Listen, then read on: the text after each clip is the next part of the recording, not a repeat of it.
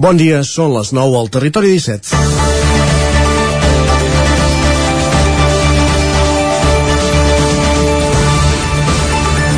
Conducta homosexual d'alt risc. Aquesta és la frase que l'exportera del Voltregà Teresa Bernades es va trobar en el diagnòstic d'unes proves mèdiques que s'havia fet al Cap Vic Nord. Divendres ho va fer públic després d'haver interposat una denúncia administrativa per LGTBI-fòbia al Servei d'Atenció Integral LGTBI d'Osona, assessorada per un bufet d'advocats especialitzat en aquest tipus de situacions. Consultats per al 9-9, l'Institut Català de la Salut explica que s'ha posat en marxa un procés intern d'informació i que s'està estudiant l'aplicació mèdica dels estàndards internacionals del sistema de codificació modificació per valorar si caldrien modificacions. També asseguren que s'ha demanat disculpes a Bernades. Doncs sí, si aquest concepte forma part de l'aplicació informàtica de l'ICS, calen modificacions, perquè com diu la mateixa Teresa Bernades, la condició sexual de qualsevol persona no pot ser un diagnòstic. Comença el Territori 17 a la sintonia de Ràdio Cardedeu, Ona Codinenca, la veu de Sant Joan, Ràdio Vic, el 9 FM i el 9 TV. Territori 17, amb Isaac Moreno i Jordi Sunyer.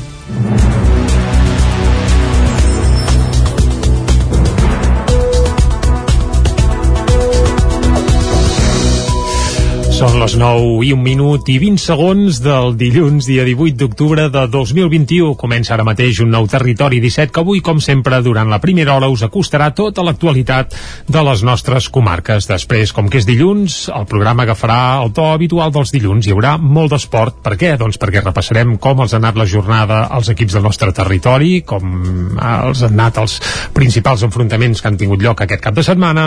També avui tindrem els solidaris amb l'Eloi Puigferrer, com cada cada dilluns, avui per parlar-nos, crec que de l'associació Tapís, Correcte. que ja dic, molt bé. Tapís, sí, sí. I, eh, esclar, anirem per la R3, com cada dia, i acabarem fent tertúlia esportiva. Per cert, que tenim una última hora de la R3 que està, està tallada a Torelló, entenem que per un atropellament, segons informa Adif a Twitter. Doncs bé, uh, novetat de darrera hora, a la R3 on sempre hi ha incidents, lamentem evidentment uh, el succés del qual uh, es fa referència ara Isaac i procurarem anar-ho seguint al llarg de, del programa d'avui per procurar si es reemprèn la normalitat, en aquest cas a prop de Torelló. Diu Rodalies Barcelona, línia R3, s'està registrant retards pel, per l'accident d'una persona en un punt no autoritzat de pas a Torelló. Ho seguirem. El, Aquest, això, és el, aquest és el tuit. això és el que tenim ara mateix eh, respecte al que passa a la R3.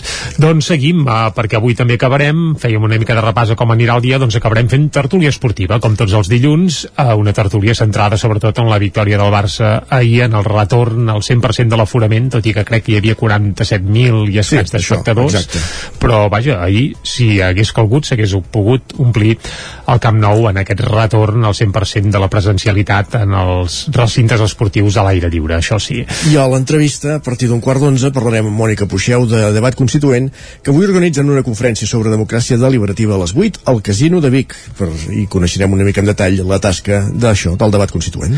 Doncs tot això i moltes coses més les farem des d'ara i fins al punt de les 12 del migdia. I per arrencar, com sempre, el que farem, Isaac, és un repàs a l'actualitat de casa nostra, l'actualitat de les comarques del Ripollès, Osona, el Moianès i el Vallès Oriental. L'Agència Catalana de l'Aigua investiga qui hi ha darrere del buidatge del pantà de Masgrau de Taradell, que des de fa setmanes està sota mínims. Des de l'Ajuntament asseguren que ni el Departament d'Acció Climàtica, Alimentació i Agenda Rural, propietari de la presa, ni l'Agència Catalana de l'Aigua, propietari de l'embassament, hi estan treballant. L'alcaldessa Mercè Cabanes demana respostes immediates. Fins fa unes setmanes, un arbre ubicat en un dels extrems de l'embassament marcava el límit fins on podia arribar l'aigua del pantà Masgrau de Taradell, un embassament que ja fa dies que es va buidar sense permís i que ara està sota mínims. Des de l'Ajuntament asseguren que ni el Departament d'Acció Climàtica, Alimentació i Agenda Rural, que és el propietari de la presa, ni l'Agència Catalana de l'Aigua, la propietària de l'embassament, hi estan treballant. Un escenari que els porta a pensar que el buidatge ha anat a càrrec d'un particular que ha obert el sortidor al 100% perquè surti al màxim de cabal. Mercè Cabanes és l'alcaldessa de Taradell. pren que, que algú prengui iniciatives unilaterals per tant doncs, el que vam fer va ser posar en coneixement de l'ACA i que investiguessin a veure qui havia pres aquesta decisió de, de fer un buidatge mm, de forma unilateral sense consensuar. A veure, l'Ajuntament és un pantà que està dins del municipi de Taradell però que nosaltres no hi tenim responsabilitat Eh? La responsabilitat ara està en, eh, en el cantó de l'Agència Catalana de l'Aigua eh, que, i del Departament d'Acció Climàtica que han de decidir veure què fan el pantà de Masgrau es va construir l'any 1980. Segons el conveni amb Icona, l'actual departament, la presa es va fer per evitar inundacions i també resoldre el problema de l'aigua que hi havia al municipi. Des de l'Ajuntament demanen ara respostes a l'Agència Catalana de l'Aigua i al departament i admeten que un dels motius que podria explicar el per què s'ha arribat fins aquí és la sobreexplotació de l'espai. I també hi ha un, ens sembla, des de l'Ajuntament el que valorem és que hi ha un, un problema, diguem, de de sobreaccés eh, en, el, en el medi natural i de falta de civisme. I després doncs clar hi ha alguns propietaris que realment estan com tips després van intentant doncs eh, posar pegues perquè la gent no hi vagi. És un camí molt, molt, molt transitat eh, el pantà era bonic és, quan està ple és bonic i en aquests moments fa pena perquè buit fa pena però és una zona molt bonica que és a sota del castell d'en Boix i per tant doncs és un camí transitat el propietari de la finca de Masgrau va cedir els terrenys on es va construir el pantà. Des de fa mesos demana la titularitat de l'embassament que continua sent de l'Agència Catalana de l'Aigua. La Diputació de Barcelona comença els treballs per recuperar zones de pastura a Osona, el Moianès i el Berguedà, que el campàs des d'Ona Codinenca. L'actuació preveu la reintroducció de la ramaderia extensiva a 160 hectàrees en zones d'actuació prioritària que es troben repartides en 14 finques del Moianès, el Berguedà, el Lluçanès, la Vall del Gès, Uris i Bisaura. La Diputació de Barcelona ha començat els treballs de gestió forestal i recuperació d'aquestes antigues pastures per ajudar a la prevenció d'incendis en boscos. Concretament es preveu realitzar una inversió de 270.000 euros entre el Moianès, Osona i el Berguedà. La iniciativa s'emmarca dins l'estratègia l'estratègia Barcelona Smart Rural. L'objectiu principal dels treballs és crear discontinuïtat al bosc mitjançant la recuperació d'antigues pastures i restablir un paisatge de mosaic agroforestal que ajudi a reintroduir l'acumulació de combustible vegetal per tal de permetre que els ramats puguin entrar al bosc a pasturar, trencant el contacte entre el sotabosc i les capçades dels arbres. Aquesta iniciativa també té una vessant econòmica i arriba acompanyada al Moianès del projecte de construcció de l'escorxador de baixa capacitat a Moià per ramaders d'oví i cabrú que no tenen accés als grans escorxadors de la zona centrats en el sector porcí. Vic acomiada Jacint Codina amb una missa dissabte a l'església del Carme. Més de 250 persones van acomiadar dissabte l'exalcalde de Vic, Jacint Codina, en la missa d'enterrament que es va fer a l'església del Carme. Hi van assistir l'expresident de la Generalitat, Jordi Pujol, l'exalcalde de Barcelona, Xavier Trias, l'alcaldessa de Vic, Anna R, i altres regidors del consistori, així com els expresidents del Consell Comarcal d'Osona. A la cerimònia es va destacar els valors cristians que van marcar la seva vida política i personal i va finalitzar amb l'ave de Lourdes Lourdes amb motiu de la seva vinculació amb l'hospitalitat. Els segals d'Osona van fer un pilar a la sortida del fèretre. Codina va morir la nit de dijous a divendres a l'edat de, de 78 anys. Va ser alcalde de Vic durant 12 anys, entre 1995 i 2007, tot i que formava part del consistori des de 1997. També va ser diputat provincial i president del Consell Comarcal d'Osona entre 1991 i 1995. El llegat de la seva etapa al capdavant de l'Ajuntament és ampli. Va ser l'impulsor de projectes com la recuperació de la Universitat de Vic, la integració urbana del ferrocarril amb el soterrament de la línia o l'anomenat Model Vic d'Educació. El nou aparcament de la nova font de Camprodon tindrà capacitat per 40 vehicles i un cost de 205.500 euros. Isaac Muntades, des de la veu de Sant Joan. Les obres del nou aparcament al paratge de la font nova de Camprodon avancen a bon ritme. Aquesta actuació, que té un cost de 205.500 euros amb l'IVA inclòs, està marcada dins del projecte xarxa d'espais de contacte amb el riu Ter i es finança amb fons europeus FEDER. El Consell Comarcal, que és qui s'encarrega de gestionar el projecte, també contempla actuacions a Ripoll, Sant Joan de les Abadeses i Sant Pau de Segúries, a banda de Camprodon, per valor d'1,6 milions milions d'euros en viva inclòs. El president del Consell Comarcal del Ripollès, Joaquim Colomer, va explicar les bondats d'aquest FEDER comarcal i la utilitat de l'aparcament. I avui doncs, aquí en el municipi de Camprodon, on doncs, eh, vam veure la setmana passada doncs, l'actuació en el de Sant Joan de les Abadeses, amb aquest pàrquing doncs, dissuasori, el que pretén doncs, és afavorir doncs, amb el turisme en el municipi, i exactament doncs, ara estem amb aquest pàrquing d'aquí de la Font Nova d'aquí de Camprodon, que el que pretén doncs, és exactament eh, la mateixa funció, no? el que pretén doncs, és evitar doncs, que tots tots els cotxes i la massificació doncs, entrin a dintre de la vila i per tant doncs, des d'aquí que sigui un punt de repartició doncs, del turisme en el municipi i evidentment doncs, també a la comarca d'alguna manera doncs, pensant en la sostenibilitat i en el medi ambient i el fet de no tindre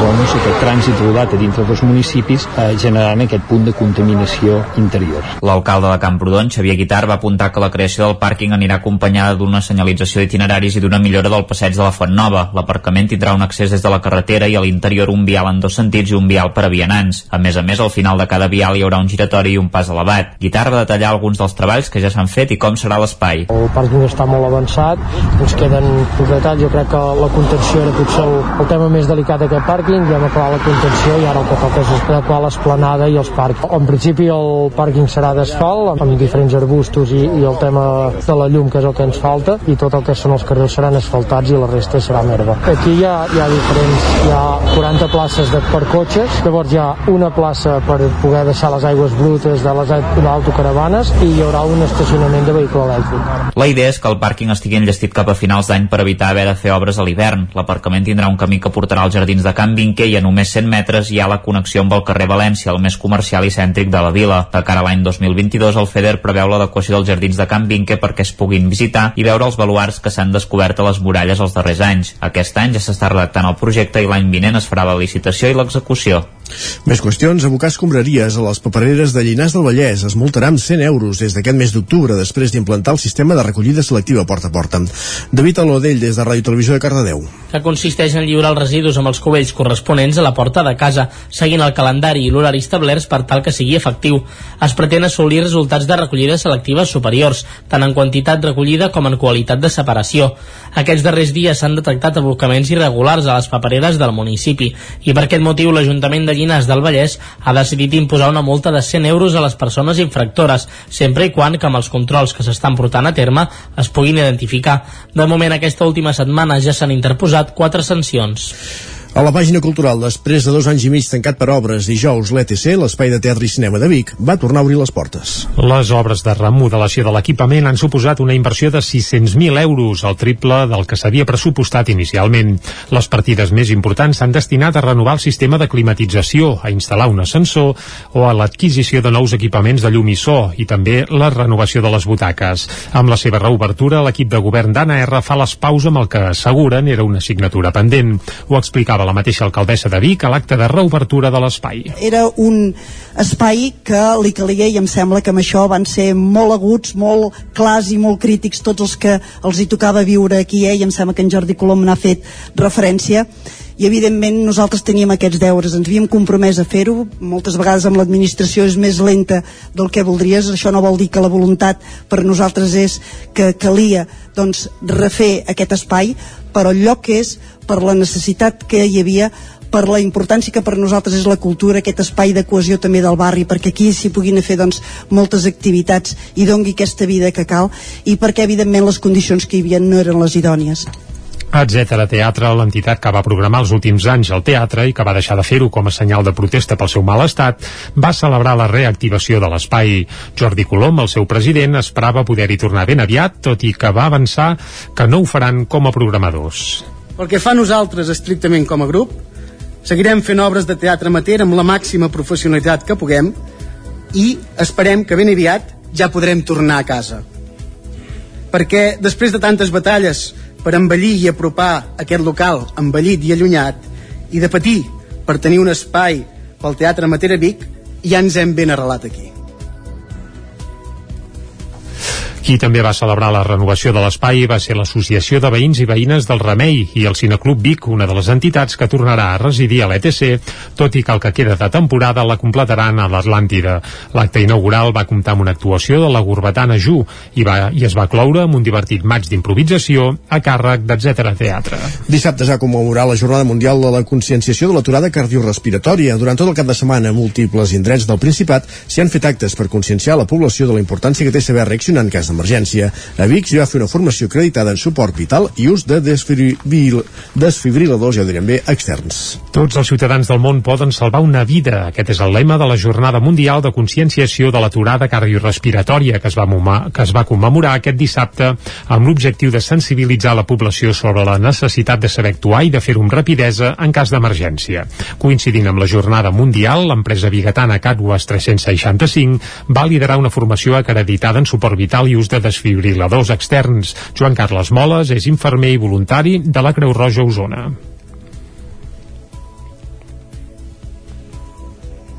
Bé, sembla que de moment no tenim el Joan Carles a punt. A explicar també que la jornada es va fer arreu del d'avui, Principat. doncs, això, aproximar sí, els, els coneixements que nosaltres tenim, teòrics i habilitats pràctiques, pues, a la resta de la ciutadania i intentar després, a través d'uns tallers pràctics, pues, que ells puguin practicar. Al final és una jornada de sensibilització, com cada any el dia 16 d'octubre, per aproximar doncs, a, els coneixements a la ciutadania. Aquesta jornada es va fer, com dèiem abans, a tot el Principat de Catalunya. A Europa es creu que hi ha una aturada cada 45 segons, una estimació que a Catalunya suposaria entre 8 i 9 aturades al dia fora de l'àmbit sanitari.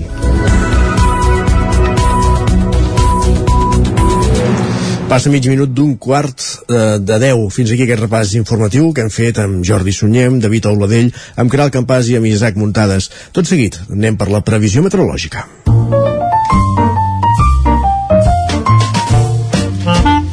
Casa Terradellos us ofereix el temps. Doncs va, és l'hora del temps i això vol dir que és l'hora de parlar amb en Pep Acosta. Aquí ja saludem. Molt bon dia, Pep. Hola, molt bon dia. Bon dia, bon dia. Què tal? Com ha anat entusiasme. setmana? Molt bé. Espero que tots estigueu molt bé i, i hagi disfrutat d'un gran eh, cap de setmana. Ja tornem a estar aquí, al Territori 17, Correcte. eh, ja tornem a estar aquí, a l'espai del temps, i què podem dir? Fem Ah. una petita ullada al passat. Ha estat un cap de setmana molt tranquil perquè fa el temps. Ahir vam tenir fins i tot alguna petita precipitació. I no l'havies no, no, previst, eh? No la contemplava gaire, Ah, aquesta mhm. pluja. Uh, molt poca cosa, eh? Un mig litre, més o menys. Uh, un litre, molt, molt poca cosa. Però bueno, almenys va ploure una mica a les zones de muntanya, cap a Puig de Zolles, uh, també una mica cap a, cap a Núria, cap a Ull de Ter, molt poca cosa, eh? Va ser del tot testimonial. Però bueno, mira, va ploure una mica, que això uh, sempre està bé, que ja dic que plogui està bé, perquè tenim una sequera molt important aquest, aquest any, aquesta temporada. I, i poca cosa més a destacar. Uh, nits uh, fresques, uh, dies suaus, no hi ha gaire canvis de moment, continuem aquesta dinàmica, amb aquest anticicló enorme situat a Europa, i no, no, no hi ha gaires novetats. El dia d'avui no serà una excepció aquest panorama. Ens llevem amb unes temperatures eh, bastant normals per l'època de l'any, no hi ha glaçades, només alguna petita, poder cap a la Cerdanya, les, les valls més enclotades, segueix aquesta inversió tèrmica, més fred a les valls que a alta muntanya, eh, el mateix panorama, el mateix panorama, i les temperatures de dia poden pujar una mica, cap pujar espectacular ni de bon tros, eh, però sí que poden pujar una mica més les màximes. La majoria entre els 18 i els 23, 24 graus, a tot estirar. Ja veiem que no, no hi ha canvis, eh? No hi ha canvis i continuem amb la mateixa tòrica. L'estat del cel, mm, molt, molt assolellat, molt blau, només algun petit núvol cap al Pirineu, cap a zones de muntanya, sense cap importància, i l'únic a destacar és ara mateix que encara hi ha alguna boira, hi ha molta humitat de bon matí, eh, alguna boirina, poca cosa es dissiparan ràpidament ja que el sol eh, el sol actuarà amb força i les dissiparà. Eh, m'avanço una mica m'avanço una mica aquesta setmana i és possible que a partir de dimecres, dijous tindrem un enterrament de nord destacable, per cert avui els vents molt febles en direcció variable molt febles i a partir de dijous pot entrar la tramuntana, pot entrar el mestral amb una mica de força i aviam si pot provocar una mica de precipitacions, sobretot en el Pirineu. Estaria bé. Uh -huh. uh, també cap a la zona de, del Montseny, alguna petita precipitació. Veurem, veurem què acaba passant, però sembla que a partir de miques això estem un canvi de temps més important i les temperatures baixaran força. Però bueno, uh -huh. Tampoc vull tirar campanes al vol perquè vés a saber què, passa? què acaba passant i aviam quins canvis de temps hi ha a partir d'aquesta setmana. Ja anirem veient i cada dia ho explicarem eh, pas per pas. Estarem al cas. Moltes gràcies, mm -hmm. adeu, bon dia. Adéu, sigui que t'ha escaldat aquest home, eh? Uh, bé, eh, aquest cap de setmana han caigut quatre gotes i divendres no ens les va pronosticar, no. eh? però clar, va ser tan poc i tan testimonial que suposo I que també era localitzat. difícil. Aviam, de cada finals de setmana sembla que s'acosten canvis, ho seguirem com sempre aquí a Territori 17. Ara el que toca seguir, però, són les portades de la premsa del dia, oi? Casa Tarradellas us ha ofert aquest espai. Territori 17. Envia'ns les teves notes de veu per WhatsApp al 646 079 023. 646 079 023. WhatsApp Territori 17.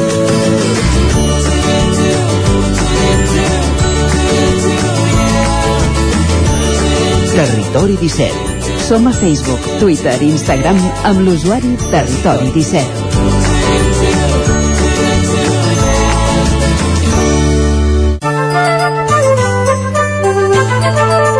Doncs sí, Jordi, com bé deies, és moment de repassar portades, d'entrar al quiosc. Tenim 6 minuts per fer-ho. Va, doncs comencem, que som dilluns, pel 9-9, eh, i per l'edició d'Osona i el Ripollès, que explica que la reducció del trànsit durant la pandèmia va fer caure l'uso un 10%. En aquest cas, eh, estem parlant de la plana de Vic, on sempre l'uso troposfèric doncs, fa estralls, doncs sembla que arran dels confinaments la cosa va fluixar. La fotografia és per l'alcalde de Vic, Jacint Codina, en una imatge del gener de 2004, i és que, tal com hem explicat, i com ja vam explicar divendres passat, doncs Jacint Codina va morir la nit de dijous a divendres als 78 anys. A la portada també apareix l'exportera del Voltregà d'hoquei patins, Teresa Bernades, que denuncia LGTBI fòbia en un informe mèdic a Vic i també que s'acaba el 23è Festival de Jazz de Vic que recupera la seva millor versió. Anem cap al Vallès Oriental, cobra explicant que la pagesia del Montseny s'organitza per reclamar més suport de l'administració. Alerten de l'impacte de la burocràcia i la massificació de visitants. Això ho fan els pagesos i ramaders que treballen a la falda del Montseny. La fotografia és per un grup d'avis que passegen amb tricicle i és que Cardedeu engegarà un servei de passejades per gent gran amb vehicles adaptats la fotografia és ben curiosa i, per què no, divertida també. Oh. I no, dir, no, el tema aquest que explicaves del Montseny de fet és duplicat a les dues edicions vull dir que tant en una edició com a l'altra i personalitzat, diguéssim, en cada cas es pot llegir a les dues Clar, edicions que el Montseny, un tros és del Vallès Oriental, un tros és de Osonenc i un tros és de la Selva. Ens separa o ens ajunta? I ens ajunta, home, ens ajunta. I tant que sí. Uh, acabem amb un darrer apunt de la portada del 9-9 del Vallès Oriental i és que Sant Celoni rep el patrimoni de Martí Boada, aquest prestigiós naturalista que ha cedit tot el seu uh, patrimoni documental i material a l'Ajuntament de Sant Celoni. Es veu que són més de 500 volums i una valuosa col·lecció de destrals, es veu que col·lecciona destrals, el Martí Boada, de tot el món. Doncs ara ja són de Sant Celoni aquestes destrals. Anem a fer un cop d'ull a la premsa d'àmbit nacional comencem i comencem pel punt avui, exacte, que titula Més aparcament per contaminar menys. Resulta que s'està impulsant l'anomenat Park and Ride, que s'aprova el pla per doblar l'oferta de places per cotxes i facili- facilitar l'accés al transport públic. Bé ser allò d'anar a Barcelona, aparcar als afores i entrar dins doncs, amb tren o amb autobús o amb el que sigui. La foto és pel Barça, eh, per l'Ansu Fati, i titulen El Barça recupera la il·lusió. L'equip de Koeman remunta contra el València amb un Ansu Fati decisiu. Això expliquen al punt avui i això explicarem també, o d'això parlarem també a la part final del programa d'avui a la tertúlia esportiva. Anem a fer un cop d'ull a la portada de l'Ara, que titulen Sánchez garanteix que el diàleg no trencarà Espanya. El secretari general del PSOE fa bandera de la socialdemocràcia i de la unitat del partit. Aquest cap de setmana hi ha hagut el Congrés del PSOE i s'ha parlat de moltes coses i ho anirem seguint a, a les portades. Eh? El Barça fa una altra cara a Manso, eh, també titulen a l'Ara, i la fotografia és per un prostíbul de la Junquera, el Paradise, i expliquen amb cometes, pots estar amb dones de pel·lícula que fan tot el que vols, tanquem cometes. Els prostíbuls de la Junquera reobren en ple debat sobre l'abolició del treball sexual. Un reportatge fet per l'Ara, que se'n van anar d'excursió a la Junquera eh, fa uns dies, aprofitant la reobertura dels prostíbuls. La Vanguardia. Europa afronta l'hivern amb les reserves de gas més baixes dels darrers 10 anys. Es veu que les existències de gas ara mateix estan al 75% de capacitat, quan el nivell habitual és del 90%. Per tant, si fa fred aquest hivern, pot ser que patim o que hàgim de pagar i molt per escalfar doncs, casa nostra. El Camp Nou torna a la normalitat amb victòria.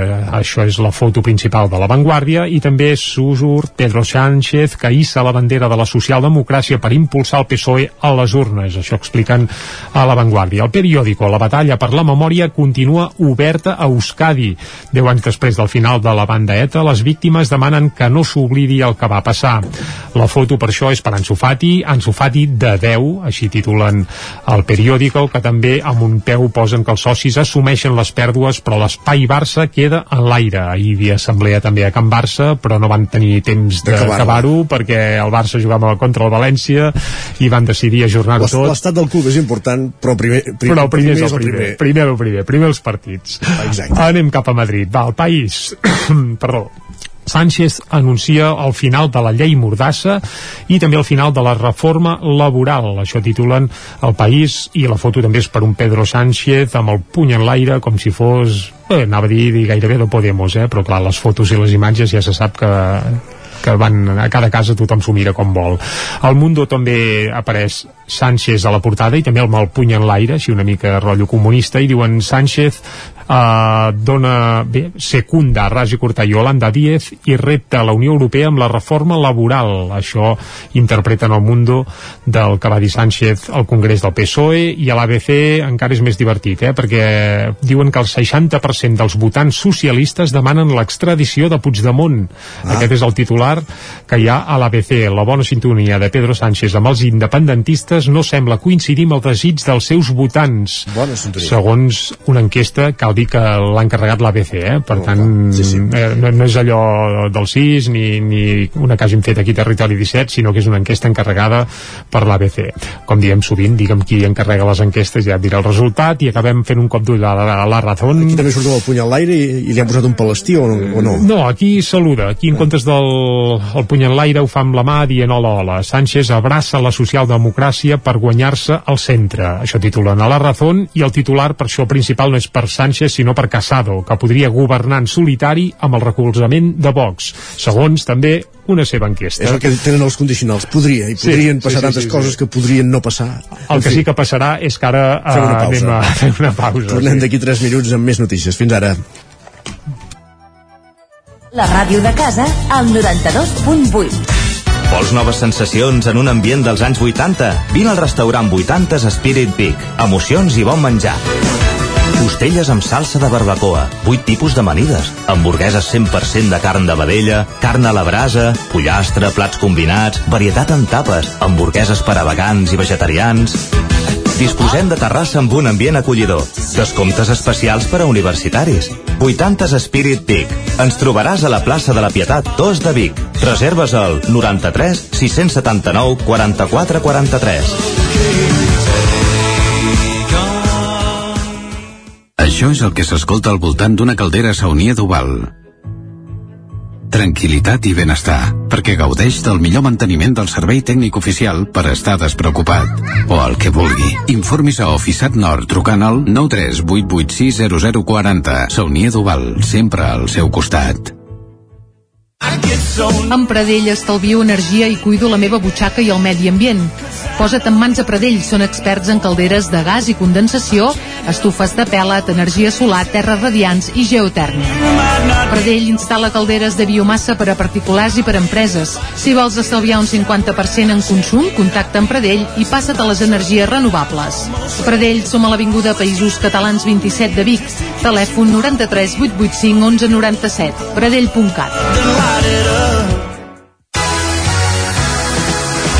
Ja tens la teva disfressa de Halloween? A Manli tenim les més terrorífiques.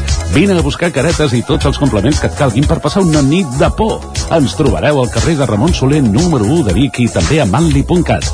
A Manli fem de la festa una bogeria. El racó de León. Gaudeix de la nostra terrassa. Vine a tastar les xuletilles de l'Echal a la brasa amb una bona amanida o el xuletón de vedella gallega. No et pots perdre el nostre lechado de Castilla al forn o el cochinillo a l'estil de Segovia. Tot acompanyat del millor celler, al menjador o fora la terrassa. Descobreix la millor cuina de Lleó sense moure't de casa. Vine amb la família, els amics, la parella o sol. T'encantarà. El racó de León, cuina tradicional lleonesa i de mercat. Som al carrer Torelló número 35 de Vic. Per reserves, telèfon 93 889 1950. El racó de León, una cuina diferent. Som especialistes en cargols a la llauna. Vine a tastar-los al racó de León. Anuncia't al 9FM. La màquina de casa. 9 3 8 8 9 4 9 4 9 Publicitat arroba al 9FM.cat. Anuncia't al 9FM. La publicitat més eficaç. El 9FM, el 9FM, el 9FM, el 9FM, el 9FM. Som al territori 17 i són dos quarts de 10. Territori 17, amb Isaac Moreno i Jordi Sunyer. Thank you.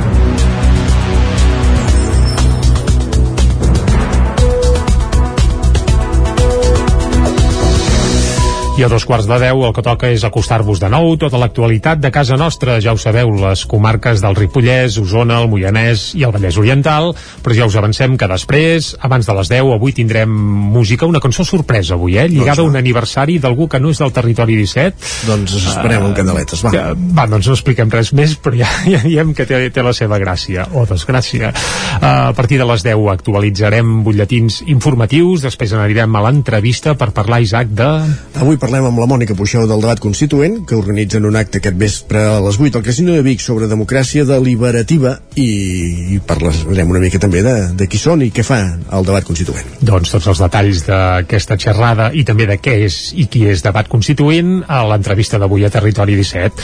Avui, com que és dilluns, també anirem als solidaris amb l'Eloi Puigferrer, avui per conèixer com funciona l'associació Tapís. Correcte. Fan uns llibres molt bonics, per cert, i molt recomanables. Entre moltes altres coses. Exacte. També és dilluns, vol dir que repassarem com ha anat esportivament el cap de setmana els principals equips del nostre territori i, com sempre, acabarem fent tertúlia esportiva parlant de la jornada de Lliga de Primera Divisió del cap de setmana i també passarem, com sempre, per la R3 on ja hem explicat avui a primera hora que hi havia un tall concretament a prop de Torelló que de moment continua, eh? No tenim més novetats per ara. Doncs ho anirem seguint. Ara el que toca, però, és, com sempre, acostar-vos de nou l'actualitat de casa nostra, l'actualitat de les comarques del Ripollès, Osona, el Moianès i el Vallès Oriental. L'Agència Catalana de l'Aigua investiga qui hi ha darrere del debuidatge del pantà de Masgrau de Taradell que des de fa setmanes està sota mínims. Des de l'Ajuntament asseguren que ni el Departament d'Acció Climàtica, Alimentació i Agenda Rural, propietari de la presa, ni l'Agència Catalana de l'Aigua, propietari de l'embassament, hi estan treballant. L'alcaldessa Mercè Cabanes demana respostes immediates. Fins fa unes setmanes, un arbre ubicat en un dels extrems de l'embassament marcava el límit fins on podia arribar l'aigua del pantà Masgrau de Taradell, un embassament que ja fa dies que es va buidar sense permís i que ara està sota mínims. Des de l'Ajuntament asseguren que ni el Departament d'Acció Climàtica, Alimentació i Agenda Rural, que és el propietari de la presa, ni l'Agència Catalana de l'Aigua, la propietària de l'embassament, hi estan treballant. Un escenari que els porta a pensar que el buidatge ha anat a càrrec d'un particular que ha obert el sortidor al 100% perquè surti al màxim de cabal. Mercè Cabanes és l'alcaldessa de Taradell. pren que, que algú prengui iniciatives unilaterals per tant doncs, el que vam fer va ser posar en coneixement de l'ACA i que investiguessin a veure qui havia pres aquesta decisió de, de fer un buidatge mm, de forma unilateral sense consensuar a veure, l'Ajuntament és un pantà que està dins del municipi de Taradell però que nosaltres no hi tenim responsabilitat eh?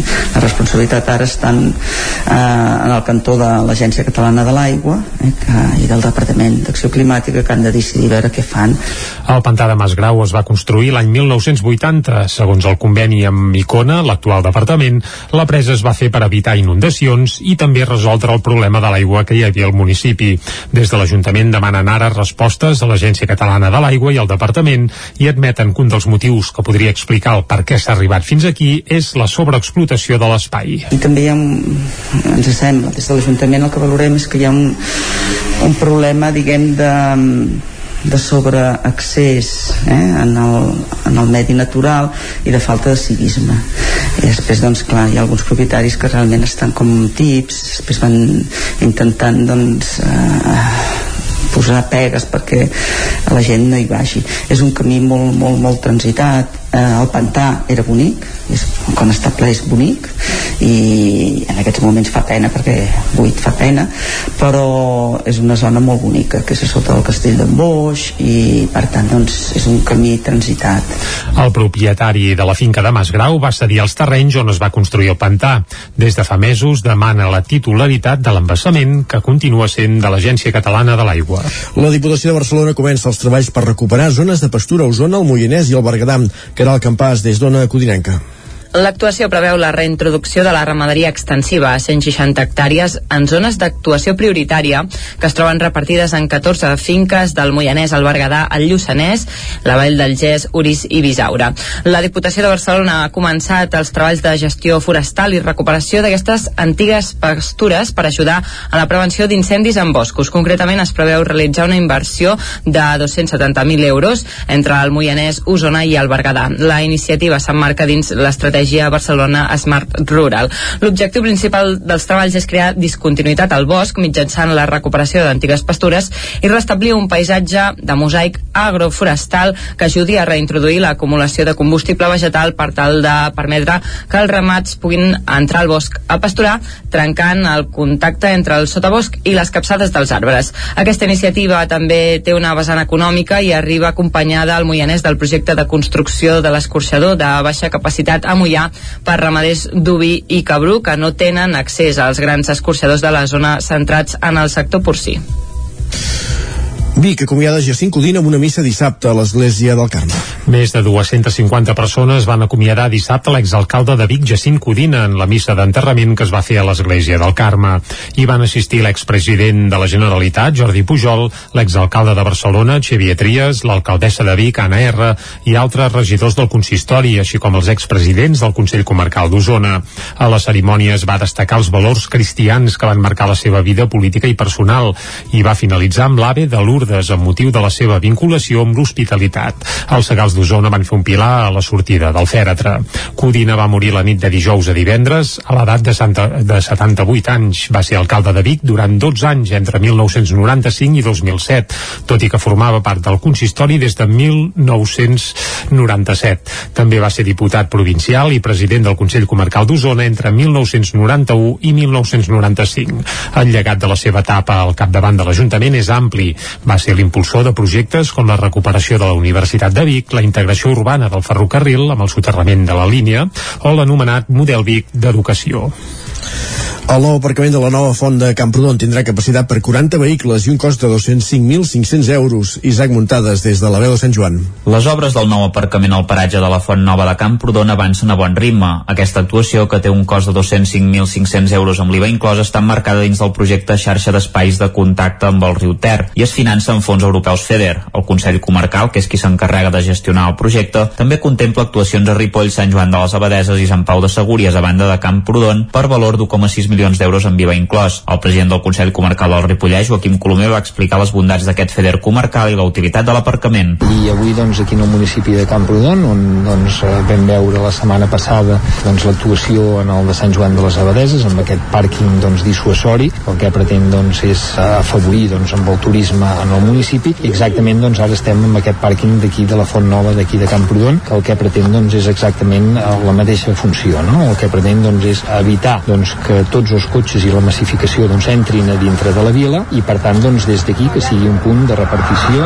doncs, del turisme en el municipi i evidentment doncs, també a la comarca d'alguna manera doncs, pensant en la sostenibilitat i amb el medi ambient i el fet de no tindre doncs, aquest trànsit rodat a dintre dels municipis eh, generant aquest punt de contaminació interior. L'alcalde de Camprodon, Xavier Guitar, va apuntar que la creació del pàrquing anirà acompanyada d'una senyalització d'itineraris i d'una millora del passeig de la Font Nova. L'aparcament tindrà un accés des de la carretera i a l'interior un vial en dos sentits i un vial per a vianants. A més a més, al final de cada vial hi haurà un giratori i un pas elevat. Guitar va detallar alguns dels treballs que ja s'han fet i com serà l'espai. El pàrquing està molt avançat, ens queden uns detalls, jo crec que la contenció era potser el, el tema més delicat d'aquest pàrquing, ja hem acabat la contenció i ara el que toca és adequar l'esplanada i els parcs. En principi el pàrquing serà d'asfalt, amb diferents arbustos i, i el tema de la llum, que és el que ens falta, i tot el que són els carrers seran asfaltats i la resta serà merda. Aquí hi ha, hi ha diferents, hi ha 40 places de, per cotxes, llavors hi ha una plaça per poder deixar les aigües brutes de les autocaravanes i hi haurà un estacionament de vehicle elèctric. La idea és que el pàrquing estigui enllestit cap a finals d'any per evitar haver de fer obres a l'hivern. L'aparcament tindrà un camí que portarà als jardins de Can Vinque i a només 100 metres hi ha la connexió amb el carrer València, el més comercial i cèntric de la vila. De cara a l'any 2022, el FEDER preveu l'adequació dels jardins de Can Vinque perquè es puguin visitar i veure els baluars que s'han descobert a les muralles els darrers anys. Aquest any ja s'està redactant el projecte i l'any vinent es farà la licitació i l'execució.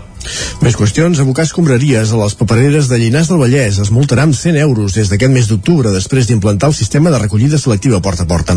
David Alodell des de Ràdio Televisió de Cardedeu. Que consisteix en lliurar els residus amb els cubells corresponents a la porta de casa, seguint el calendari i l'horari establerts per tal que sigui efectiu.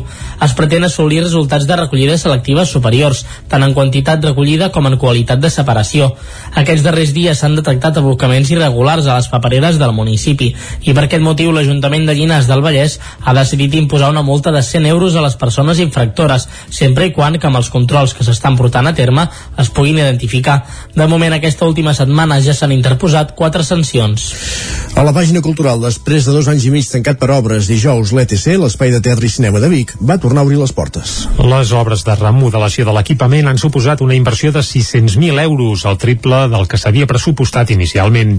Les partides més importants s'han destinat a renovar el sistema de climatització, a instal·lar un ascensor o a l'adquisició de nous equipaments de llum i so i també la renovació de les butaques. Amb la seva reobertura, l'equip de govern d'Anna R fa les paus amb el que asseguren era una assignatura pendent. Ho explicava la mateixa alcaldessa de Vic a l'acte de reobertura de l'espai. Era un espai que li calia i em sembla que amb això van ser molt aguts, molt clars i molt crítics tots els que els hi tocava viure aquí eh? i em sembla que en Jordi Colom n'ha fet referència i evidentment nosaltres teníem aquests deures, ens havíem compromès a fer-ho, moltes vegades amb l'administració és més lenta del que voldries, això no vol dir que la voluntat per a nosaltres és que calia doncs, refer aquest espai, però el lloc és per la necessitat que hi havia per la importància que per nosaltres és la cultura, aquest espai de cohesió també del barri, perquè aquí s'hi puguin fer doncs, moltes activitats i dongui aquesta vida que cal, i perquè evidentment les condicions que hi havia no eren les idònies Etcètera Teatre, l'entitat que va programar els últims anys el teatre i que va deixar de fer-ho com a senyal de protesta pel seu mal estat, va celebrar la reactivació de l'espai. Jordi Colom, el seu president, esperava poder-hi tornar ben aviat, tot i que va avançar que no ho faran com a programadors. Pel que fa nosaltres estrictament com a grup, seguirem fent obres de teatre amateur amb la màxima professionalitat que puguem i esperem que ben aviat ja podrem tornar a casa. Perquè després de tantes batalles per embellir i apropar aquest local embellit i allunyat i de patir per tenir un espai pel Teatre Matera Vic ja ens hem ben arrelat aquí. Qui també va celebrar la renovació de l'espai va ser l'Associació de Veïns i Veïnes del Remei i el Cineclub Vic, una de les entitats que tornarà a residir a l'ETC, tot i que el que queda de temporada la completaran a l'Atlàntida. L'acte inaugural va comptar amb una actuació de la Gurbatana Ju i, va, i es va cloure amb un divertit maig d'improvisació a càrrec d'Etcètera Teatre. Dissabte es va commemorar la Jornada Mundial de la Conscienciació de l'aturada cardiorrespiratòria. Durant tot el cap de setmana, múltiples indrets del Principat s'hi han fet actes per conscienciar la població de la importància que té saber reaccionar en cas d'emergència. A Vic s'hi va fer una formació acreditada en suport vital i ús de desfibril... desfibriladors, ja ho direm bé, externs. Tots els ciutadans del món poden salvar una vida. Aquest és el lema de la Jornada Mundial de Conscienciació de l'aturada cardiorrespiratòria que es va, mumar, que es va commemorar aquest dissabte amb l'objectiu de sensibilitzar la població sobre la necessitat de saber actuar i de fer-ho amb rapidesa en cas d'emergència. Coincidint amb la Jornada Mundial, l'empresa bigatana Catwas 365 va liderar una formació acreditada en suport vital i ús de desfibriladors externs. Joan Carles Moles és infermer i voluntari de la Creu Roja Osona. Intentat després, a través d'uns tallers pràctics, doncs, que ens puguin practicar. Al final és una jornada de sensibilització, com cada any el dia 16 d'octubre, per aproximar doncs, a, els coneixements a la ciutadania. Aquesta jornada es va fer, com dèiem abans, a tot el Principat de Catalunya. A Europa es creu que hi ha una aturada cada 45 segons, una estimació que a Catalunya suposaria entre 8 i 9 aturades al dia fora de l'àmbit sanitari.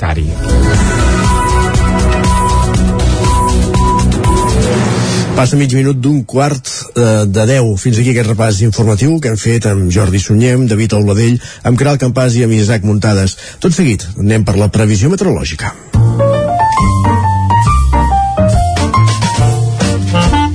Casa Terradellos us ofereix el temps. Doncs va, és l'hora del temps i això vol dir que és l'hora de parlar amb en Pep Acosta. Aquí ja saludem. Molt bon dia, Pep. Hola, molt bon dia. Bon dia, bon dia. Què tal? Com ha anat aquesta setmana? Molt bé. Espero que tots estigueu molt bé i, i hagi disfrutat d'un gran uh, cap de setmana. Mm -hmm. Ja tornem a estar aquí, al Territori 17, uh, ja tornem a estar aquí, a l'espai del temps, i què podem dir? Fem ah. una petita ullada al passat. Mm -hmm. Ha estat un cap de setmana molt tranquil perquè fa el temps. Ahir vam tenir fins i tot alguna petita precipitació. I no l'havies no, no, previst, eh? No la contemplava gaire, ah. aquesta mm -hmm. pluja. Uh, molt poca cosa, eh? Un mig litre més o menys, uh, un litre, molt, molt poca cosa. Però bueno, almenys per ploure una mica a les zones de muntanya, cap a Puig de Zolles, eh, també una mica cap a, cap a Núria, cap a Ull de Ter, molt poca cosa, eh? va ser del tot testimonial uh -huh. però bueno, mira va ploure una mica que això eh, sempre està bé, que ja dic que plogui està bé perquè tenim una sequera molt important aquest, aquest any, aquesta temporada i, i poca cosa més a destacar uh, nits uh, fresques uh, dies suaus no hi ha gaire canvis de moment, continuem aquesta dinàmica amb aquest anticicló enorme situat a Europa. I no, no, no hi ha gaires novetats. El dia d'avui no serà una excepció aquest panorama. Ens llevem amb unes temperatures eh, bastant normals per l'època de l'any. No hi ha glaçades, només alguna petita poder cap a la Cerdanya les, les valls més enclotades segueix d'aquesta inversió tèrmica més fred als valls que alta muntanya. Eh, el mateix panorama el mateix panorama. I les temperatures de dia poden pujar una mica. Mm, cap pujar espectacular ni de bon tros eh, però sí que poden pujar una mica més les màximes. La majoria entre els 18 i els 23 24 graus a tot estirar ja veiem que no, no hi ha canvis, eh? no hi ha canvis i continuem amb la mateixa tòrica. L'estat del cel, mm, molt, molt assolellat, molt blau, només algun petit núvol cap al Pirineu, cap a zones de muntanya, sense cap importància, i l'únic a destacar és ara mateix que encara hi ha alguna boira. Hi ha molta humitat de bon matí, eh, alguna boirina, poca cosa es dissiparan ràpidament ja que el sol eh, el sol actuarà amb força i les dissiparà. Eh, m'avanço una mica m'avanço una mica aquesta setmana i és possible que a partir de dimecres, dijous tindrem un enterrament de nord destacable, per cert avui els vents molt febles en direcció variable molt febles i a partir de dijous pot entrar la tramuntana, pot entrar el mestral amb una mica de força i aviam si pot provocar una mica de precipitacions, sobretot en el Pirineu. Estaria bé. Uh -huh. uh, també cap a la zona de, del Montseny, alguna petita precipitació. Veurem, veurem què acaba passant, però sembla que a partir de miques això estem un canvi de temps més important i les temperatures baixaran força. Però bueno, uh -huh. Tampoc vull tirar campanes al vol perquè vés a saber què, què acaba passant i aviam quins canvis de temps hi ha a partir d'aquesta setmana. I ja anirem veient i cada dia ho explicarem eh, pas per pas. Estarem al cas. Moltes gràcies, mm -hmm. adéu, bon dia. Déu, ficat escaldat aquest home, eh? Uh, bé, eh, aquest cap de setmana han caigut quatre gotes i divendres no ens les va pronosticar, no. eh? però clar, va ser tan poc i tan testimonial que suposo I que era difícil. Aviam, de cada finals de setmana sembla que s'acosten canvis, ho seguirem com sempre aquí a Territori 17. Ara el que toca seguir, però, són les portades de la premsa del dia, oi? Casa Tarradellas us ha ofert aquest espai. Territori 17. Envia'ns les teves notes de veu per WhatsApp al 646 079 023. 646 079 023. WhatsApp Territori 17.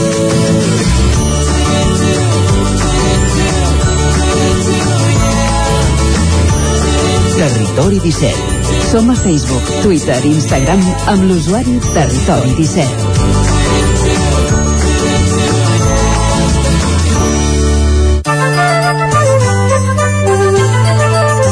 Doncs sí, Jordi, com molt bé deies, és moment de repassar portades, d'entrar al quiosc. Tenim 6 minuts per fer-ho. Va, doncs comencem, que som dilluns, pel 9-9, eh, i per l'edició d'Osona i el Ripollès, que explica que la reducció del trànsit durant la pandèmia va fer caure l'uso un 10%. En aquest cas, eh, estem parlant de la plana de Vic, on sempre l'uso troposfèric doncs, fa estralls, doncs sembla que arran dels confinaments la cosa va afluixar.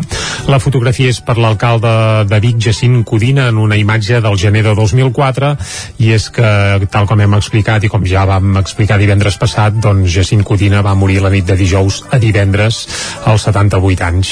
A la portada també apareix l'exportera del Voltregà d'hoquei patins, Teresa Bernades, que denuncia LGTBI fòbia en un informe mèdic a Vic i també que s'acaba el 23è Festival de Jazz de Vic que recupera la seva millor versió. Anem cap al Vallès Oriental, cobra explicant que la pagesia del Montseny s'organitza per reclamar més suport de l'administració. Alerten de l'impacte de la burocràcia i la massificació de visitants. Això ho fan els pagesos i ramaders que treballen a la falda del Montseny. La fotografia és per un grup d'avis que passegen amb tricicle i és que Cardedeu engegarà un servei de passejades per gent gran amb vehicles adaptats la fotografia és ben curiosa i, per què no, divertida també. Oh. I no, no, no, el tema aquest que explicaves del Montseny de fet és duplicat a les dues edicions vull dir que tant en una edició com a l'altra i personalitzat, diguéssim, en cada cas es pot llegir a les dues Clar, diguem que el Montseny un tros és del Vallès Oriental un tros és de Osonenc i un tros és de la Selva. Ens separa o ens ajunta. i ens ajunta, home, ens ajunta. I tant que sí. Uh, acabem amb un darrer apunt de la portada del 9-9 del Vallès Oriental i és que Sant Celoni rep el patrimoni de Martí Boada aquest prestigiós naturalista que ha cedit tot el seu uh, patrimoni documental i material a l'Ajuntament de Sant Celoni. Es veu que són més de 500 volums i una valuosa col·lecció de destrals, és es veu que col·lecciona destrals el Martí Boada de tot el món. Doncs ara ja són de Sant Celoni aquestes destrals. Anem a fer un cop d'ull a la premsa d'àmbit nacional i comencem pel punt avui, exacte, que titula Més aparcament per contaminar menys. Resulta que s'està impulsant l'anomenat Park and Ride, que s'aprova el pla per doblar l'oferta de places per cotxes i facilitar l'accés al transport públic. Bé ser allò d'anar a Barcelona, aparcar als afores i entrar dins doncs, amb tren o amb autobús o amb el que sigui. La foto és pel Barça, eh, per l'Anso Fati i titulen El Barça recupera la il·lusió. L'equip de Koeman remunta contra el València amb un Anso Fati decisiu. Això expliquen al punt avui i això explicarem també, o d'això parlarem també a la part final del programa d'avui a la tertúlia esportiva. Anem a fer un cop d'ull a la portada de l'Ara, que titulen Sánchez garanteix que el diàleg no trencarà Espanya. El secretari general del PSOE fa bandera de la socialdemocràcia i de la unitat del partit. Aquest cap de setmana hi ha hagut el Congrés del PSOE i s'ha parlat de moltes coses i ho, anirem seguint a, a les portades. Eh? El Barça fa una altra cara a Manso, eh, també titulen a l'Ara, i la fotografia és per un prostíbul de la Junquera, el Paradise, i expliquen amb cometes, pots estar amb dones de pel·lícula que fan tot el que vols. Tanquem cometes. Els prostíbuls de la Junquera reobren en ple debat sobre l'abolició del treball sexual. Un reportatge fet per l'Ara, que se'n van anar d'excursió a la Junquera eh, fa uns dies, aprofitant la reobertura dels prostíbuls. La Vanguardia. Europa afronta l'hivern amb les reserves de gas més baixes dels darrers 10 anys. Es veu que les existències de gas ara mateix estan al 75% de capacitat, quan el nivell habitual és del 90%. Per tant, si fa fred aquest hivern, pot ser que patim o que hàgim de pagar i molt per escalfar doncs, casa nostra. El Camp Nou torna a la normalitat amb victòria victòria. Això és la foto principal de la Vanguardia i també Susur Pedro Sánchez que hissa la bandera de la socialdemocràcia per impulsar el PSOE a les urnes. Això expliquen a la Vanguardia. El periòdico, la batalla per la memòria continua oberta a Euskadi. Deu anys després del final de la banda ETA, les víctimes demanen que no s'oblidi el que va passar. La foto per això és per Ansu Fati, Ansu Fati de 10, així titulen el periòdico, que també amb un peu posen que els socis assumeixen les pèrdues, però l'espai Barça queda en l'aire. Ahir hi havia assemblea també a Can Barça, però no van tenir temps d'acabar-ho perquè el Barça jugava contra el València i van decidir ajornar-ho tot. L'estat del club és important, però primer, primer, però primer, és el primer. Primer, primer el primer, primer els partits. Exacte. Anem cap a Madrid. Va, el país. Perdó. Sánchez anuncia el final de la llei Mordassa i també el final de la reforma laboral. Això titulen El País i la foto també és per un Pedro Sánchez amb el puny en l'aire com si fos eh, anava a dir, dir gairebé no Podemos, eh? però clar, les fotos i les imatges ja se sap que, que van a cada casa tothom s'ho mira com vol. Al Mundo també apareix Sánchez a la portada i també el mal puny en l'aire, així una mica rotllo comunista, i diuen Sánchez eh, dona, bé, secunda Rasi Cortà i Holanda Díez i repta a la Unió Europea amb la reforma laboral. Això interpreten el Mundo del que va dir Sánchez al Congrés del PSOE i a l'ABC encara és més divertit, eh? perquè diuen que el 60% dels votants socialistes demanen l'extradició de Puigdemont. Ah. Aquest és el titular que hi ha a l'ABC. La bona sintonia de Pedro Sánchez amb els independentistes no sembla coincidir amb el desig dels seus votants. Bona sintonia. Segons una enquesta, cal dir que l'ha encarregat l'ABC, eh? per oh, tant, sí, sí. Eh, no, no és allò del 6 ni, ni una que hàgim fet aquí Territori 17, sinó que és una enquesta encarregada per l'ABC. Com diem sovint, digue'm qui encarrega les enquestes, ja et dirà el resultat i acabem fent un cop d'ull a la, a la Razón. Aquí també surt amb el puny a l'aire i, i li han posat un palestí o, o no? No, aquí saluda. Aquí en comptes del el puny en l'aire ho fa amb la mà dient hola, hola. Sánchez abraça la socialdemocràcia per guanyar-se al centre. Això titulen a la Razón i el titular per això principal no és per Sánchez sinó per Casado, que podria governar en solitari amb el recolzament de Vox. Segons també una seva enquesta. És el que tenen els condicionals. Podria, i podrien sí, passar sí, sí, tantes sí, sí, coses que podrien no passar. Doncs vinga, seguim, seguim en directe, seguim aquí a Territori 17 i quan ens acostem al punt de les 10 del matí, el que toca és posar-hi una mica de música. I avui tenim una cançó molt especial. Per què? Doncs perquè resulta que avui som dilluns, uh, som dilluns dia 18 d'octubre de 2021 i avui és l'onomàstica, bé, és el, no, no, no el sant, no el sant, sinó l'aniversari de Díaz Ayuso, correcte, aniversari de Díaz Ayuso, la presidenta de la Comunitat de Madrid, avui fa anys, i nosaltres aquí a Territori 17 la volem felicitar. Com ho farem? Doncs molt senzill. Tenim una cançó feta especialment per ella, que estrenarem en exclusiva aquí a Territori 17. Eh? La cançó, eh, Isaac, es diu La Reina de Madrid, i la veritat és que és tot un festival. L'ha fet Max Ruano, que és una espècie de cantautor eh, també de Madrid, i com que ens fa molta gràcia, doncs l'estrenem. La veritat és que si l'escolta Díaz Ayuso, la noia no sé si li agradarà gaire, perquè en teoria se suposa que va bé, una mica èbria a un karaoke i passen coses. Us deixem amb la cançó, és prou divertida, es diu La reina de Madrid, és de Max Ruano, un cantautor, això, madrileny, que d'aquí a unes setmanes traurà el seu primer disc. De moment ha anat traient un parell o tres de singles i un d'ells, precisament l'estrena avui, és La reina de Madrid i amb aquesta peça us deixem aquí a Territori 17. Fins ara.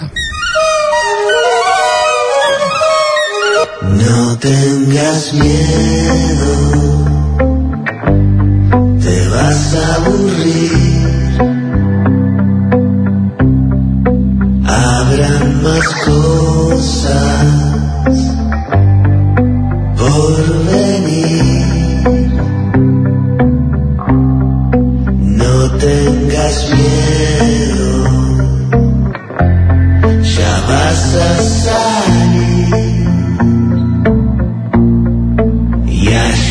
Ayuso canta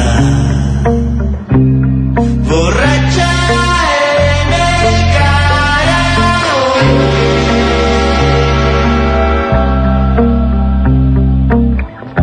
Y nosotros aquí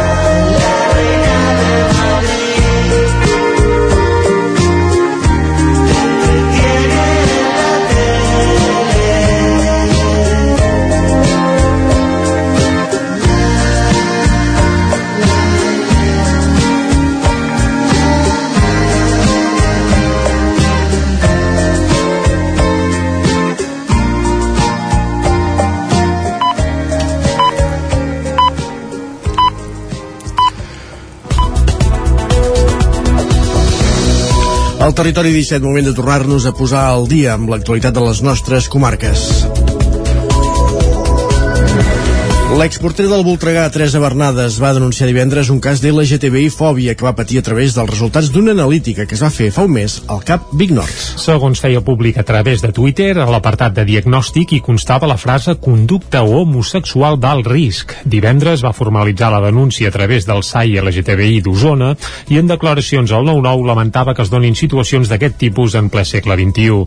Des del Club Patí Voltregà, on ara mateix fa de, eh, de porteres, van emetre un comunicat en què manifestaven públicament el suport cap a l'exjugadora i el rebuig i condemna a qualsevol tipus d'homofòbia o intolerància. Amazon posa en marxa la seva segona nau logística de Mollet del Vallès, amb 130 empleats al polígon de Can Magarola. La de Mollet s'uneix als centres que Amazon ja té en altres poblacions del Vallès, com Martorelles o Barberà del Vallès. David Auladell, des de Ràdio Televisió de Cardedeu.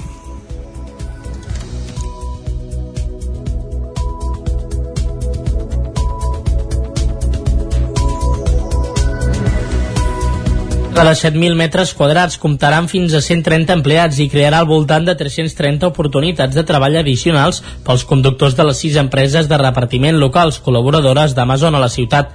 Les estacions logístiques impulsen la gestió de les comandes d'Amazon i ajuden a accelerar els lliuraments als clients.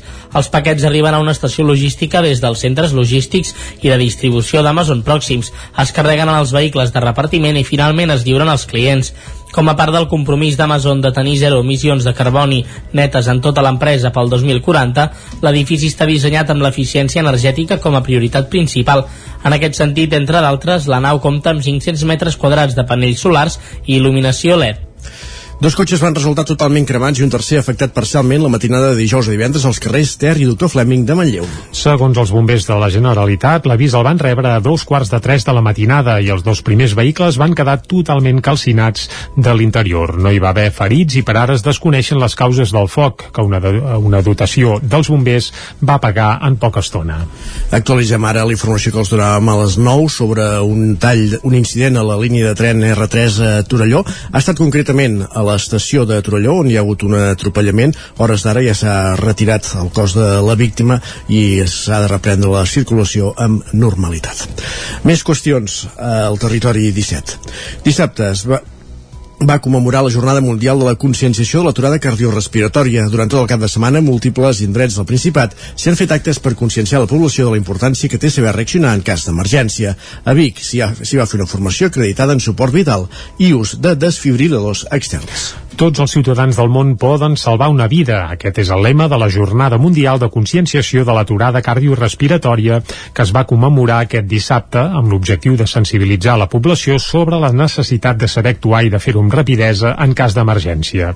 Coincidint amb la Jornada Mundial, l'empresa biguetana Catwas 365 va liderar una formació acreditada en suport vital i ús de desfibriladors externs. Joan Carles Moles és infermer i voluntari de la Creu Roja Osona.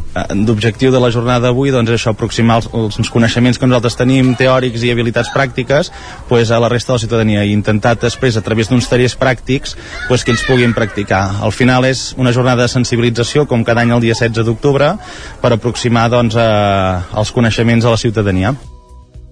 La jornada, volem dir, es va fer arreu de Catalunya. A Europa hi ha una aturada cada 45 segons, una estimació que a Catalunya suposaria entre 8 i 9 aturades al dia fora de l'àmbit sanitari. La Fira de l'Ovella de Ripoll reuneix uns 200 caps de bestiar de 21 explotacions i recorda el difunt Maurici Camproví. Isaac Muntades des de la veu de Sant Joan. Maurici Camproví era l'ànima de la Fira de Santa Teresa i Fira Catalana de l'Ovella de Ripoll. La Covid-19 se'l van dur a principis d'any, però els organitzadors del certamen van retre-li un emotiu homenatge a la plaça de la Lira aquest divendres coincidint amb la Fira Ovina. La seva dona i els seus tres fills van rebre una placa de record i un ram. Abans s'havia projectat un vídeo d'amics i polítics recordant-lo i es va llegir un escrit de la consellera Teresa Jordà. La fira, instal·lada a la Font Viva, va reunir entre 180 i 200 caps de bestiar de 21 explotacions distribuïts en 26 corrals. Les ovelles de raça ripollesa, una de les tres races autòctones de Catalunya, van venir d'arreu del Ripollès, però també de la demarcació de Girona, de comarques com el Baix i l'Alt Empordà i el Pla de l'Estany i també d'Osona. Els premis del concurs de bestiar van estar força repartits. El guardó a millor animal de la fira, rebatejat com a Premi Maurici Camproví, va ser per Camp Picola d'Ugassa, que també va presentar el millor marrà i va obtenir un segon lloc pel millor lot d'ovelles, un guardó que va endur-se el Mas Llestanosa de Vallfogona de Ripollès. El Mas Vallfogoní també va guanyar el millor collar musicat, que és un collar de fusta fet pels pastors. Can Anglada d'Esponellà va vèncer en la categoria del millor lot de xaies el Mas de Sora amb un segon i un tercer lloc i la cabana de Camp de Bànol amb dos tercers també van fer doblet. L'organització va fer una menció especial al Corral del Mar Ros de les Olives per la recuperació d'ovelles ripolleses de llana negra. Ramon Bach, secretari tècnic de l'Associació Nacional de Criadors d'Ovelles Ripolleses, l'ANCRI, explicava que el concurs valora la morfologia dels animals. Externament, aquests animals s'hi compleixen l'estàndard racial del que és l'ovella ripollesa. I llavors, a partir d'aquí es mira la llana, que ha de ser eh, d'un tipus determinat, el que és el pigallat, el que és la conformació, el que són els aploms, que són les cames, el que és el cap, si porten banyes, el tipus de banyes, o, o sigui, tot el que és la part externa, el que és la morfologia. Hi hauria una part molt important que, esclar, aquí no es pot valorar perquè no tothom ho porta, que és la part de, de genètica, no? La part que no es veu, però que sí que és molt important a l'hora de produir més o menys. El cap de l'Oficina Comarcal del Departament d'Acció Climàtica, Joan Casas, va dir que aquesta jornada és la més important pel sector oví de tot Catalunya. És un dia molt especial perquè és una fira on s'hi apleguen molts pastors de Catalunya, de diferents parts de Catalunya. Si ens fixem bé amb el personal que ve a veure la fira, veurem que hi ha molta gent de pagès i la majoria relacionada amb el sector oví. Hem de tindre en compte que molts d'ells aprofiten el dia 15 d'octubre, el dia de la Fira de Santa Teresa de Ripoll, per veure's, perquè es veuen un cop l'any i aquest dia és sagrat per ells. I malgrat no portin ovelles a la fira, venen a la Fira de l'Ovella, perquè comptem que és l'única fira de Catalunya específicament d'ovelles. La quarta edició de la Gala de la Serra, impulsada per l'Associació Productor del Ripollès, va aprofitar la Fira de l'Ovella per entregar els guardons als premiats d'enguany. L'acte es va celebrar en una plaça de la Lira força plena. El Premi al millor restaurant en producte del Ripollès va ser per Can Japet de Set Cases. El de millor establiment amb aquest producte va ser pel restaurant Els Caçadors de Ribes de Freser, que va celebrar el seu centenari l'any 2020. També es va premiar la carnisseria Cala Magda de Ripoll per ser el millor comerç en producte local. Vic va acomiadar dissabte Jacint Codina amb una missa a l'església del Carme. Més de 250 persones van acomiadar aquest dissabte l'exalcalde de Vic, Jacint Codina, en la missa d'enterrament que es va fer a l'església del Carme. Hi van assistir l'expresident de la Generalitat, Jordi Pujol, l'exalcalde de Barcelona, Xavier Trias, l'alcaldessa de Vic, Anna R, i altres regidors del consistori, així com els expresidents del Consell Comarcal d'Osona. A la cerimònia es, va de, es van destacar els valors cristians que van marcar la seva vida política i personal, i es va acabar tot plegat amb l'ava de Lourdes, amb motiu de la seva vinculació amb l'hospital l'hospitalitat. Els segals d'Osona van fer un pilar a la sortida del fèretre. Codina va morir la nit de dijous a divendres, als 78 anys d'edat. Va ser alcalde de Vic durant 12 anys, entre 1995 i 2007, tot i que formava part del consistori biguetà des de 1979. També va ser diputat provincial i president del Consell Comarcal d'Osona entre 1991 i 1995. El llegat de la seva etapa al capdavant de l'Ajuntament és ampli. Va ser l'impulsor, entre d'altres, de projectes com la recuperació de la Universitat de Vic, la integració urbana del ferrocarril amb el soterrament de la línia de Renfe o l'anomenat Model Vic d'Educació. Després de dos anys i mig tancat per obres, dijous l'ETC, l'Espai de Teatre i Cinema de Vic, va tornar a obrir portes. Les obres de remodelació de l'equipament han suposat una inversió de 600.000 euros, el triple del que s'havia pressupostat inicialment. Les partides més importants s'han destinat a renovar el sistema de climatització, a instal·lar un ascensor, a l'adquisició de nous equipaments de llum i so i també la renovació de les butaques. Amb la seva reobertura, l'equip de govern d'Anna R fa les paus amb el que asseguren era una assignatura pendent. Ho explicava la mateixa alcaldessa de Vic a l'acte de reobertura de l'espai.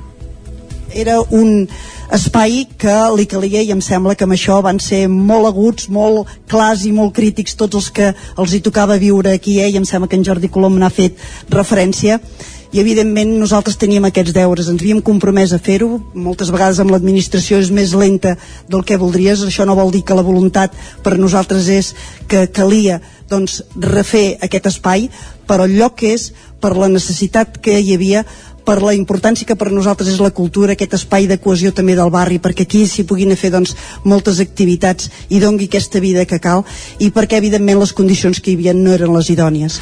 Etcètera Teatre, l'entitat que va programar els últims anys al teatre i que va deixar de fer-ho com a senyal de protesta pel seu mal estat, va celebrar la reactivació de l'espai. Jordi Colom, el seu president, esperava poder-hi tornar ben aviat, tot i que va avançar que no ho faran com a programadors. Pel que fa nosaltres estrictament com a grup, seguirem fent obres de teatre amateur amb la màxima professionalitat que puguem i esperem que ben aviat ja podrem tornar a casa. Perquè després de tantes batalles per embellir i apropar aquest local embellit i allunyat i de patir per tenir un espai pel Teatre Matera Vic, ja ens hem ben arrelat aquí. Qui també va celebrar la renovació de l'espai va ser l'Associació de Veïns i Veïnes del Remei i el Cineclub Vic, una de les entitats que tornarà a residir a l'ETC, tot i que el que queda de temporada la completaran a l'Atlàntida. L'acte inaugural va comptar amb una actuació de la Gurbatana Ju i també es va cloure tot plegat amb un maig d'improvisació a càrrec d'Etcètera Teatre. Esports. A l'àmbit esportiu, un total de 130 pilots han participat aquest cap de setmana en el trial dos dies dels cingles organitzat des de Motoclub Cingles. Caral Campàs, des d'una codinenca. La 36a edició de la prova, que s'ha recuperat després de 12 anys de no fer-se, va tenir lloc a Sant Feliu de Codina, Sant Quirze de Safaja i Gallifa. La prova va reunir aquest cap de setmana pilots aficionats vinguts d'arreu de l'estat al costat de mundialistes com Jaime Busto, Yojito Takeda o Berta Bellan. Entre el públic també hi havia noms propis del món trialè com el campió mundial Jordi Tarrés, qui havia guanyat la prova en diverses ocasions. Escoltem-lo. Uh, em fa molta gràcia, no?, perquè jo havia corregut i guanyat aquesta cursa i de, de ben jove pues, era un referent per mi i ara pues, també la veritat és que és molt emocionant perquè només arribar m'he trobat companys de, de la meva quinta, per dir una manera, i, i recordem una mica les batalletes A banda de les zones boscoses, l'organització va voler acostar el trial a la resta de la població amb zones urbanes com la indoor que es va fer a la plaça de Sant Feliu. Cesc Rovira és el vicepresident de Motoclub. que, que nens del poble que no saben què és el trial vegin el que és el trial i acostar-ho al poble al màxim i el que hem fet és això, posar zones a prop del poble que la gent pugui veure i siguin accessibles. Els pilots van haver de superar un total de 30 zones en dos dies. L'organització feia una primera valoració molt positiva del retorn dels dos dies. Gràcies, Caral. Acabem aquí aquest repàs informatiu eh, que hem fet en companyia, com dèiem, de Caral Campàs, de David Auladell, d'Isaac Montades, de Jordi Sunyer. Tot seguit el que fem és anar a fer, conèixer la previsió meteorològica pels properes, per les properes hores.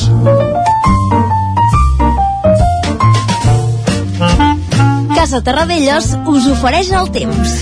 I per conèixer el temps, el que hem de fer és saludar altra vegada en Pep Acosta. Pep, molt bon dia.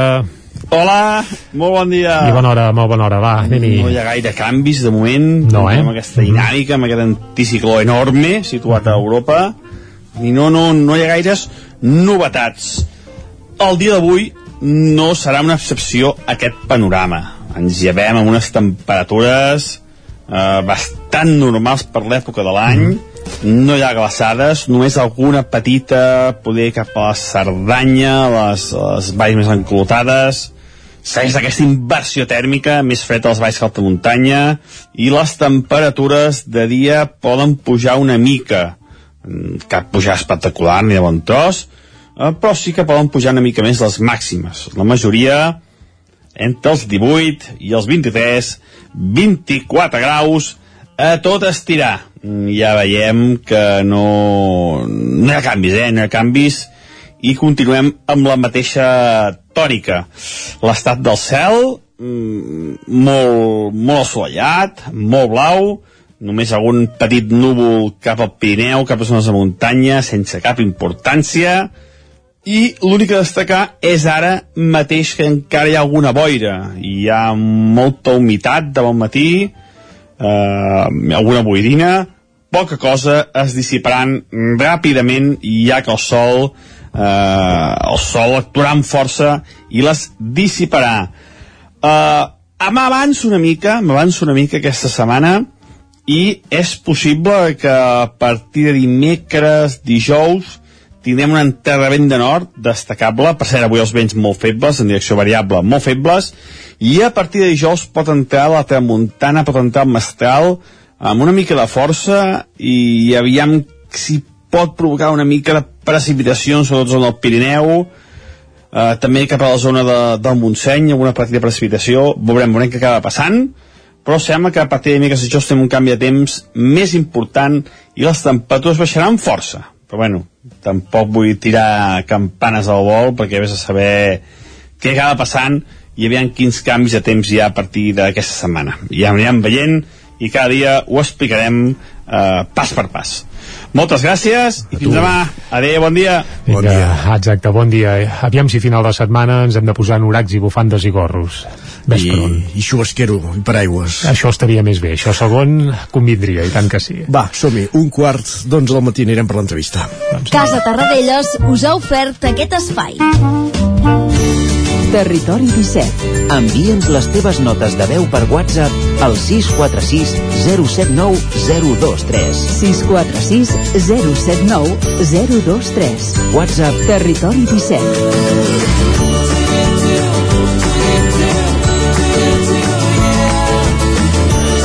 Territori 17. Som a Facebook, Twitter i Instagram amb l'usuari Territori 17.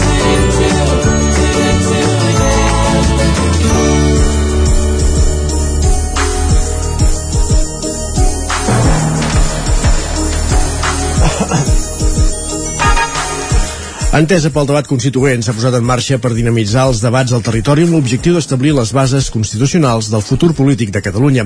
El grup usonenc, format per una quinzena de voluntaris, començarà amb els debats aquest dilluns a la tarda, a les 8, a la sala modernista del Casino de Vic. En aquest primer debat es parlarà de la participació de la ciutadania i de democràcia directa. En altres debats previstos per la setmana vinent i dos més a finals de novembre es parlarà també de sanitat, comerç i economia.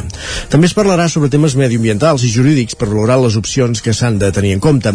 El projecte participatiu acabarà amb un qüestionari que, per tenir en compte l'opinió de la ciutadania de cara a una futura Constitució catalana. Per conèixer més detalls d'aquesta entesa d'Osona pel debat constituent tenim a l'altra banda del fil telefònic a la Mònica Puixeu, que és una de les 15 impulsores d'aquesta entesa a la comarca. Bon dia, Mònica. Bon dia.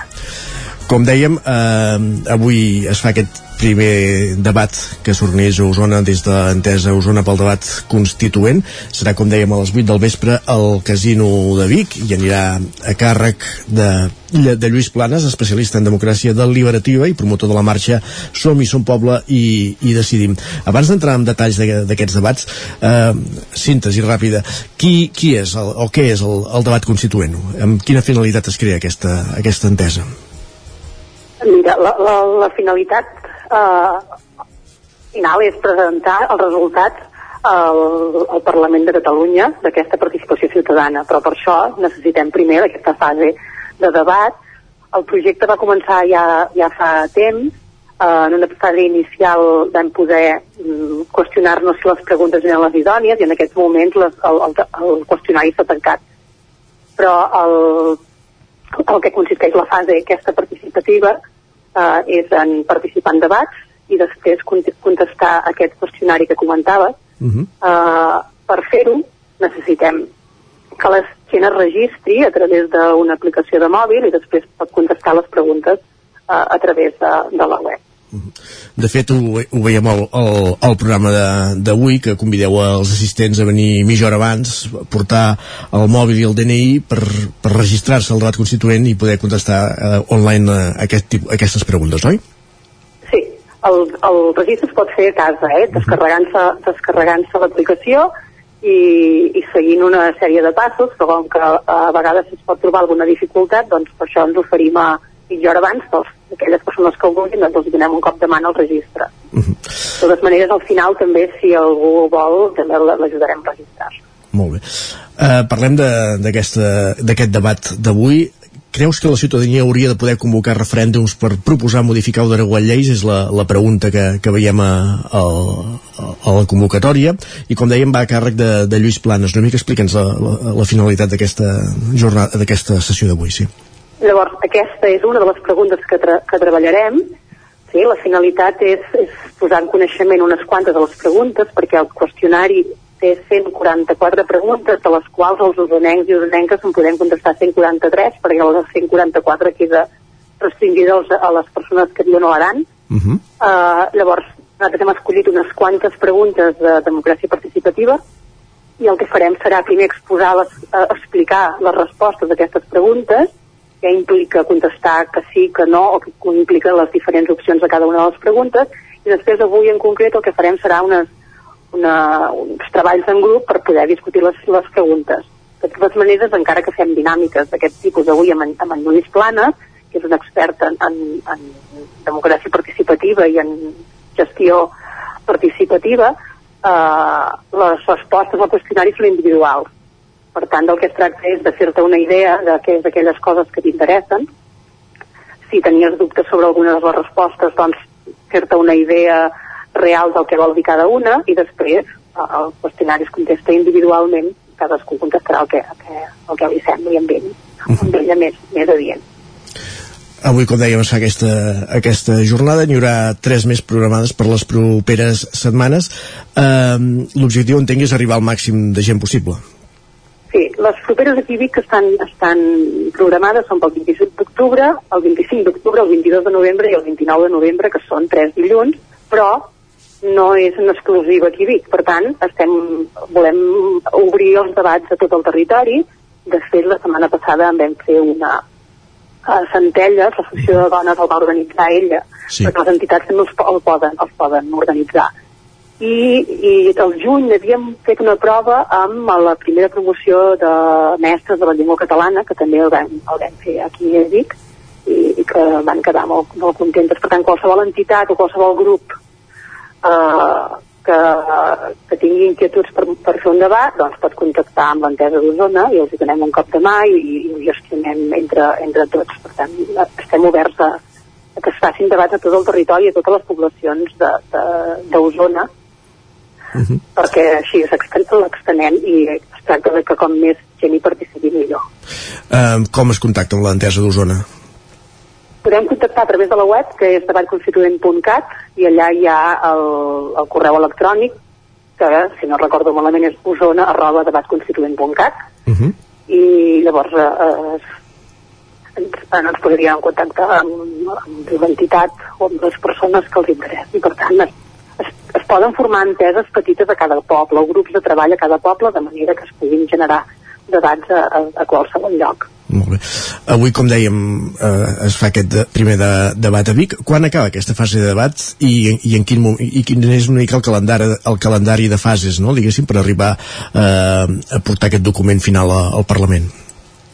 Llavors, en principi, el, el, la fase de debat s'acabaria el 31 de desembre, però com que han passat diferents circumstàncies eh, que fa que, que ens hagi quedat massa curt, el, la, en, en un plenari d'enteses de tot el territori, doncs el que probablement passarà és que s'ampliarà aquest, aquest Aquest, Termini. aquest termini. i per tant no, no et puc confirmar quan s'acabarà, perquè el que està clar és que a Osona veiem que necessitem més temps per fer aquests debats, per en- incrementar la, la participació, la resta de territoris també ho veu i per tant el que, podem, el que puc gairebé assegurar és que, és que no es tancarà el 31 de desembre. Llavors, depenent de quan es tanqui, el, el pas següent seria o sigui, quan, quan finalitzem la fase participativa, el que farà serà la coordinadora d'enteses nacional, del qual formo part, constituirà el fòrum mm, cívic i social i decidirà, eh, i aquest fòrum cívic i social eh, el que farà serà elaborar eh, o sintetitzar tots els resultats del que ha sortit i presentar-ho oficialment al Parlament de Catalunya.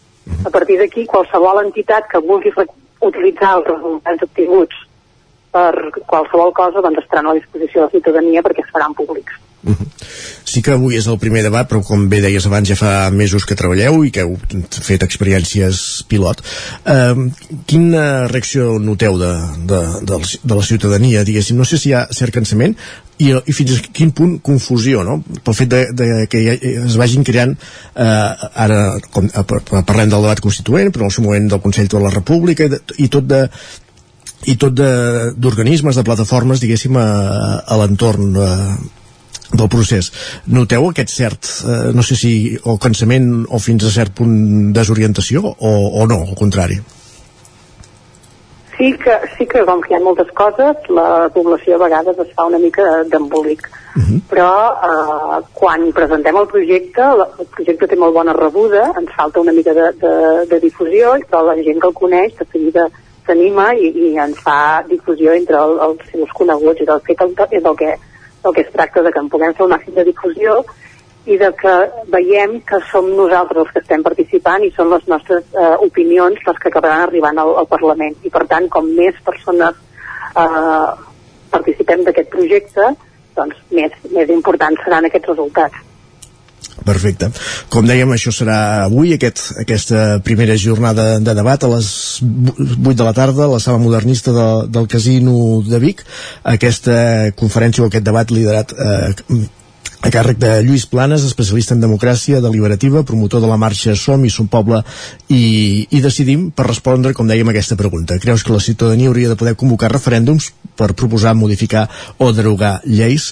N'hem parlat amb Mònica Puixeu, una de les impulsores de l'entesa d'Osona pel debat constituent, i hem conegut més detalls de- d'aquest projecte. Molti, moltíssimes gràcies, Mònica. Moltes gràcies a vosaltres. Bon dia. Esperem el debat. Perfecte, serà, com dèiem avui, a les 8 del vespre. Bon dia.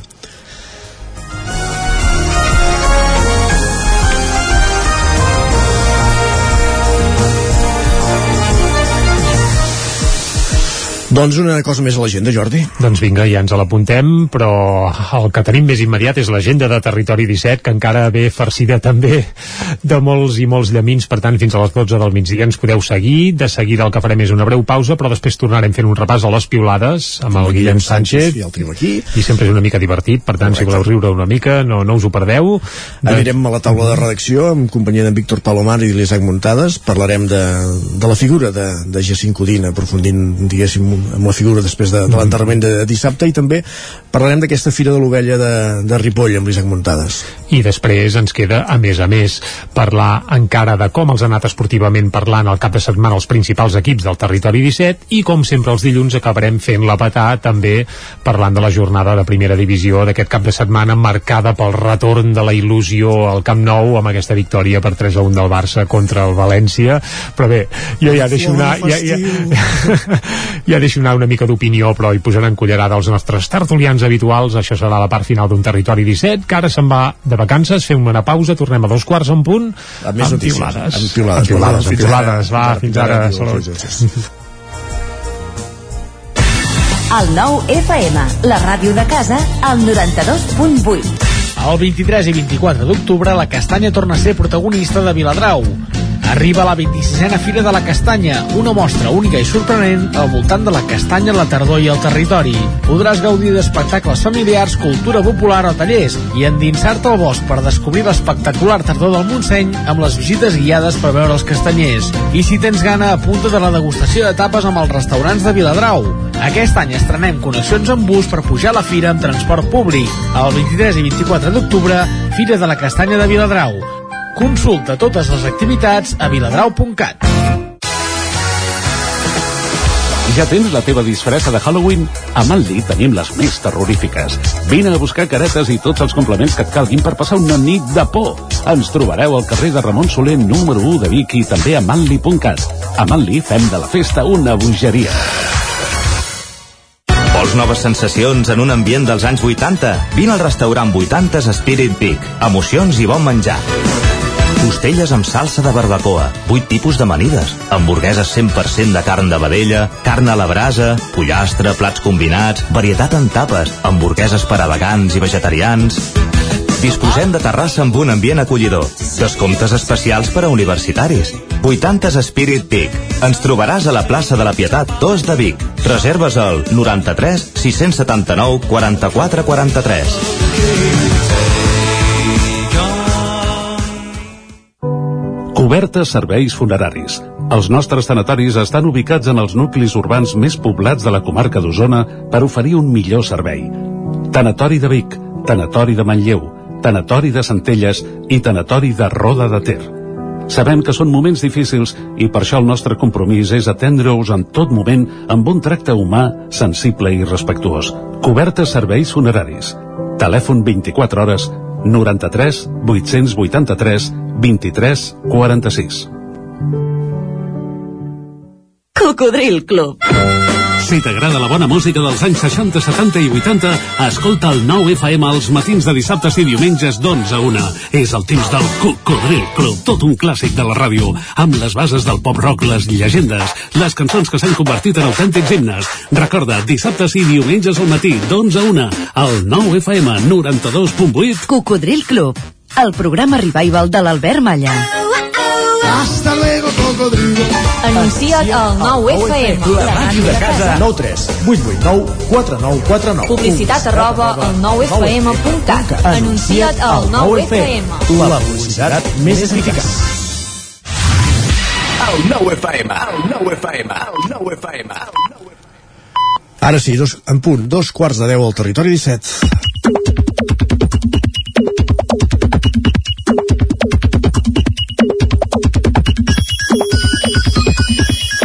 I a aquesta hora, com dèiem, ja ens acompanya a l'estudi en Guillem Sánchez per parlar de Twitter. Deixa'm dir, per això, Isaac Digues, Moreno, digues, que són dos quarts d'onze ja, eh? no pas dos quarts de deu. Avui es nota que som dilluns i que aquest cap de setmana hi ha hagut aquí festival, sí, eh? però di- dijous va passar exactament el mateix i no era cap de setmana. Bé, bé, uh, és evident. És, és que els accidents uh, horaris poden passar cada dia i més en directe. Uh, Algun dia haurem d'explicar que estic fent el programa de ràdio des de la Palma. qui ens segueix per televisió sap que això no té gaire fonament perquè et veuen i tot, eh? La... Però vaja. La Sí. intel·ligència artificial fa meravelles. també, també és cert, també és cert. Va, deixem-nos d'aventures horàries i anem al gra. Guillem Sánchez, bon dia. Bon dia, com estem? En Guillem, sempre al punt de dos quarts d'onze, la coguador del territori 17 ens porta unes quantes piulades per sucar-hi una mica de pa i uh, què sucarem pa avui, Guillem? Doncs entrem en aquesta ressaca també de la cursa adaptada que es va celebrar el cap de setmana aquí a, a Vic. L'Anna, per exemple, comentava, diu, emoció, pell de gallina i llàgrimes de la primera cursa infantil. De veritat, enhorabona per l'empenta i energia que hi ha per veure que avui tot el que ha passat a Vic que et deixa sense paraules. Ha estat molt bonic, una opinió que compartien la majoria de persones a Twitter. Ara bé, també hi ha persones com la Noemí que han volgut deixar constància d'una situació. Quina? Diu, cada vegada que celebrem un dia de cursa surt algú amb ganes de dir-nos que el que fem és depriment. El 14 d'agost al Gòtic, el 2 d'octubre a l'Eixample Esquerra, el 16 d'octubre a Vic i ja s'aventura a dir també el 7 de novembre a Girona i les que vindran. Per tant, potser algú que no comparteix aquesta visió, aquestes uh, propostes o aquests esdeveniments d'aquest d'aquest caire, no sabem ben bé per què. O que no els entén, O que no els entén, Clar, senzillament. segurament és això, nosaltres ens afegim i a, a donar l'enhorabona i a felicitar l'organització i evidentment sobretot els participants i evidentment en curses d'aquest tipus l'important no era qui arriba primer sinó que es puguin fer i la veritat és que va ser un gran èxit De fet, eh, en, en aquest sentit, la Pilar diu els depriments són ells ni cas, a mi les curses em semblen meravelloses i emocionants i els nens que participen impressionants, m'emocionen. Per tant, ens sumem a aquesta, I tant que sí. a aquesta opinió. vinga, Doncs va, canviant de tema. Sabeu que Twitter ha desvetllat el secret de per què les relacions de parella durin molts i molts anys? jo no en tenia ni idea i l'Isaac no sé si està al cas no, tot, no, no, no. Ho ha, ho ha explicat la Montserrat. Diu, Aviam. els, els meus pares duen 27 anys de casats i el secret, ara ja no, del seu amor és que durant aquests 27 anys el meu pare sempre li ha guardat i cedit la part de xocolata del final del cucurutxo a la meva mare. És fascinant. carai jo pensava que el secret era precisament no estar a Twitter, per exemple però vaja I en Daniel aporta la següent reflexió. Diu, la dieta del cucurutxo va bé per mantenir tot tipus de relacions de manera saludable. Deixem fet aquest apunt, doncs, aquí. molt bé, molt bé El dilluns, com sabeu, també és dia de ressaca per a la majoria d'aficionats als esports, també per en Ramon, que diu aneu a animar el vostre equip de barri o de poble, unes cerveses al sol, uns crits, comentar ressaques, riures de l'àrbitre i d'algun rival i guanyar a qualsevol equip random del Vallès. AF Manlleu líder i el dilluns ja entra millor. D'aquí una estona sabrem com li va anar al, al Manlleu, que per cert ja és líder eh, de Correcte, primera catalana, correcte, tant, correcte. molts anys els aficionats del Manlleu. I, i que puguin gaudir d'aquests diumenges de sol, cervesa, crits i Bé, al i camp del. Manlleu això del sol no és gaire habitual a vegades aquell camp jo ja he passat unes fredurades que, que té la marinera que duri el sol per això Va, sí, però jornades de càmera també són habituals. També, també. Hi ha contrallums. Sí.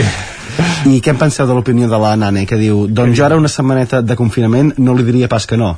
No sé si vosaltres sou d'aquest parer o, o si us ha tocat alguna, alguna setmaneta o alguns dies d'aïllament últimament o...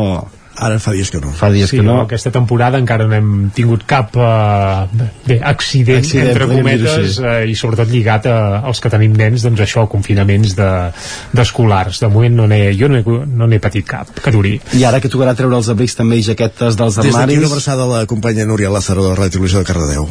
Continuem. doncs dèiem, Isaac, ara que tocarà treure abrics i jaquetes d'armaris, la pregunta del milió la fan Jofre i té molta raó. Sempre que poso les mans a les butxaques de la jaqueta per primer cop a la temporada, em trobo alguna sorpresa. Alguna aposta voleu fer vosaltres de què, de què s'hi pot trobar allà? home, potser mig euro Jo soc molt de...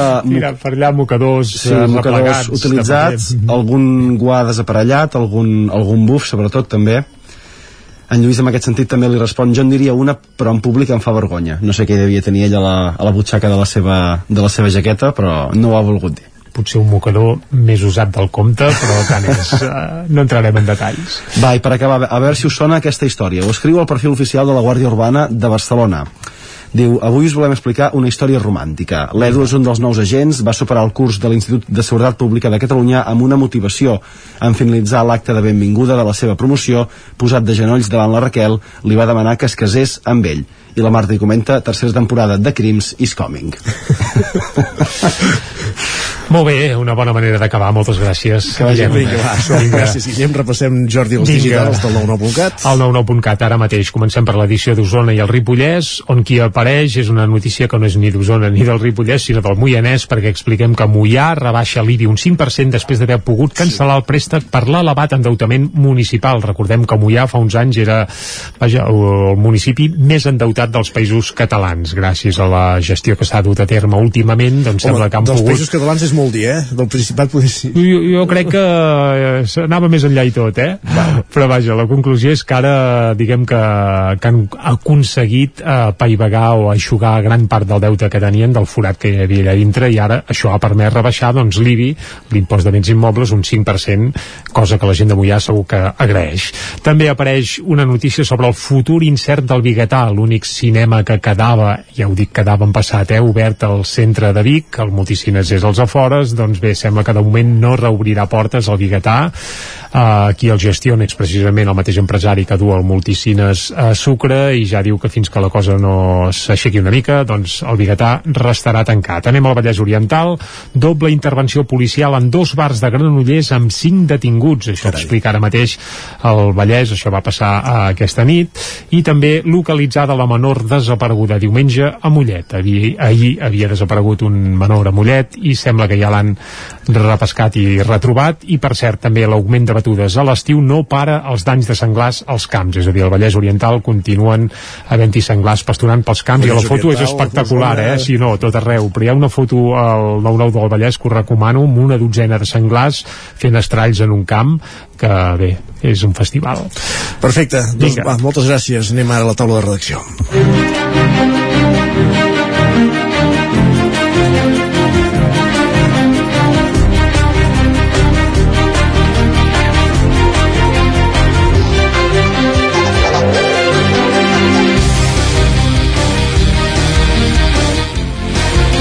I a la taula de redacció, com dèiem abans, qui ens acompanyen són en Víctor Palomar i l'Isaac Muntades. Víctor, per repassar una mica més de la trajectòria de, de Jacint Codina, que ja explicàvem divendres que, que havia mort la matinada de, de dijous a divendres. Eh, Jacint Codina, exalcalde de Vic, va ser-ho entre els anys 95 i 2007 Doncs sí, aquest dissabte es va fer el seu enterrament, es va fer un acte a l'església del Carme de Vic, on hi havia més de 250 persones i eh, hi havien entre els assistents l'expresident de la Generalitat Jordi Pujol, l'exalcalde de Barcelona Xavier Trias, a part de l'alcaldessa de Vic i altres regidors del de, consistori biguetà i també expresidents del Consell Comarcal d'Osona. En tots aquests eh, seus anys, doncs com que Jacint Codina va ser, com dèieu, eh, alcalde durant aquests 12 anys, va ser president del Consell Comarcal també eh, durant un mandat del 1991 a 1995 i diputat a la Diputació de Barcelona durant 16 anys. Eh, el que ha passat en aquestes últimes hores doncs, és el que sol passar, doncs, que, que la gent recorda el llegat que, que deixa, en aquest cas, eh, aquests 12 anys eh, l'alcaldia de Vic van ser uns anys de creixement i de projectes eh, interessants com per exemple eh, el soterrament de les vies del, del tren que es va fer entre els anys 2000 i 2003 quan la majoria de municipis, a excepció de la ciutat de Barcelona, ningú tenia i encara ara molts pocs municipis tenen soterrada la via del tren al seu pas pels municipis. Doncs Jacint Codina ho va aconseguir una mica amb aquesta capacitat que tothom elogia de, de saber negociar eh, amb, amb dreta i esquerra en aquest cas doncs a través de, de Josep Antoni Duran Lleida i també el ministre de Foment Rafael Arias Salgado del Partit Popular doncs va aconseguir aquest finançament per poder soterrar la via del tren al seu pas per la ciutat de Vic i que va permetre doncs el creixement de la ciutat cap a Ponent. Llavors eh, Vic tenia molt limitat el seu creixement i amb el soterrament de la via del tren doncs es van crear eh, un espai per poder créixer a la ciutat. Però segurament el que tothom ha destacat aquests uh, últims dies és sobretot la vessant social. Ell uh, es declarava humanista cristià i realment doncs, amb totes les seves accions de, de polítiques doncs, anaven relacionades eh, o es basaven en aquests, en aquests valors i principis una de les decisions més arriscades a nivell polític que va prendre va ser la fusió de les escoles públiques de la ciutat. Com que hi havia unes escoles situades al centre de la ciutat que concentraven un percentatge molt elevat d'alumnes immigrants, de d'alumnes eh, de familiars que acabaven d'arribar a la ciutat, tots es concentraven en aquestes escoles i en canvi hi havia altres escoles públiques eh, de la ciutat que estaven situades als afores on no hi havia aquesta concentració amb una decisió molt arriscada, criticada, vista amb por per part dels pares, amb reunions tenses, fins i tot amb crítiques des de dins del seu partit, doncs va apostar per fusionar aquestes escoles perquè hi hagués aquest repartiment d'alumnes eh, immigrants a totes les escoles de Vic, no només a les públiques, sinó també es va arribar a un acord amb les escoles concertades perquè també assumissin un percentatge idèntic de nous alumnes a totes les escoles de la ciutat. Uh, aquesta acció és la que segurament doncs, eh, a nivell social més es recorda, tot i que també el desenvolupament del complex per a la gent gran del Nadal és la que amb ell li va fer una, una atenció especial. Aquests dies parlant amb gent eh, que, el, que el coneixia eh, doncs ens, ens deien doncs això, moltes anècdotes que avui publiquem en, una, en dues llargues pàgines en un reportatge al 9-9 eh, frases com per exemple la que li va dir a Ignasi Puig que va ser el seu primer tinent d'alcalde just abans d'iniciar-se en política li va dir sobretot que a l'hora de prendre les seves decisions tingués sempre en compte que hi ha gent que té problemes per pagar el rebut d'escombraries, que no oblidés mai.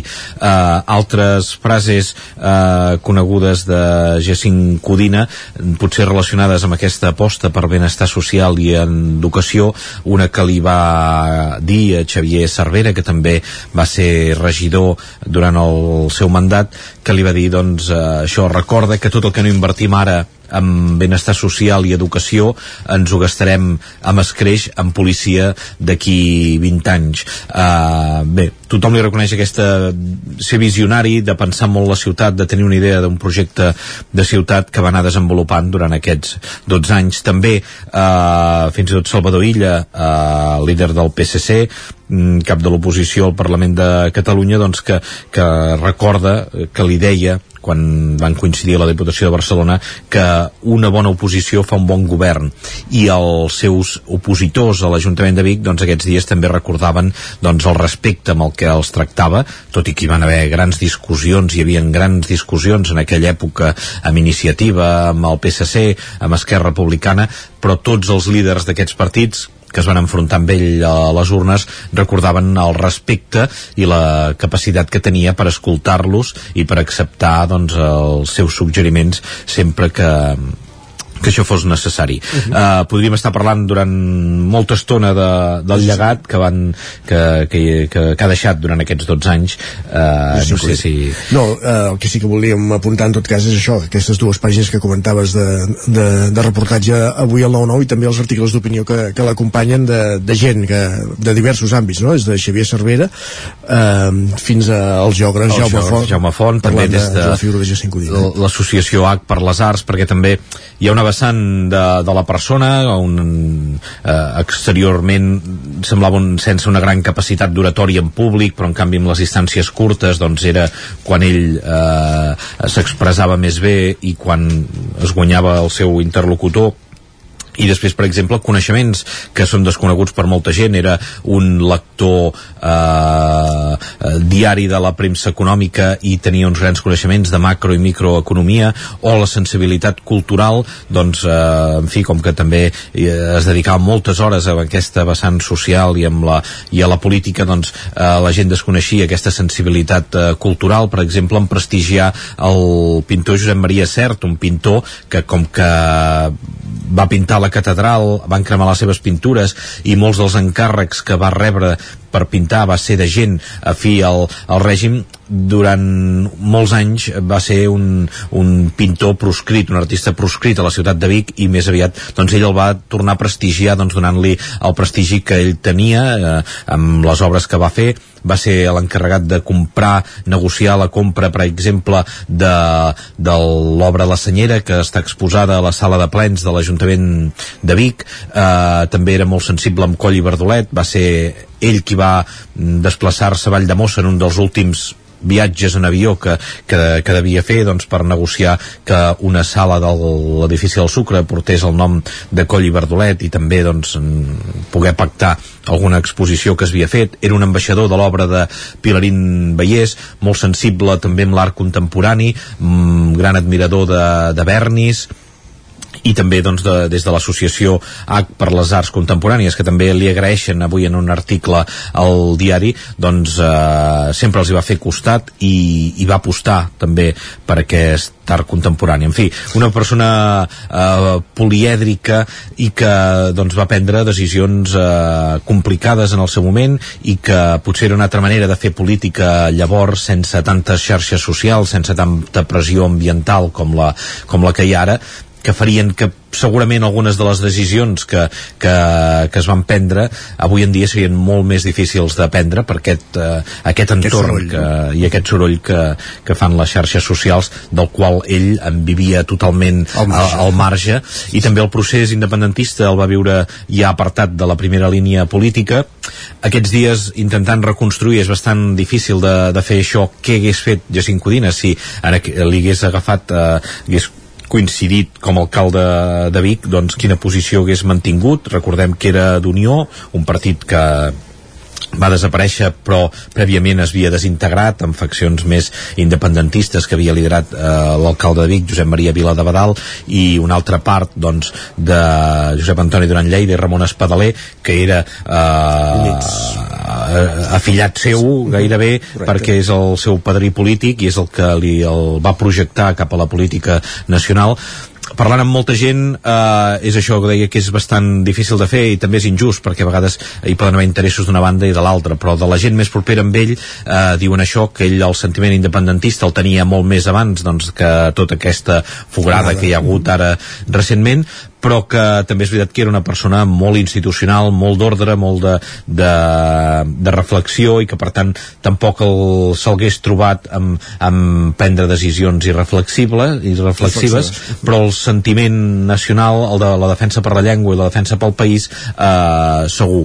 Hi ha gent que diu doncs, que, que dins les faccions d'Unió no hagués estat eh, ell que no era una persona molt de partit i estava en contra d'aquestes ordres i d'aquests eh, partits monolítics on que tothom ha de seguir, ell més aviat era dels que donava una opinió dins el partit d'Unió Democràtica que potser hagués seguit eh, l'estela segurament de, de Joan Rigol.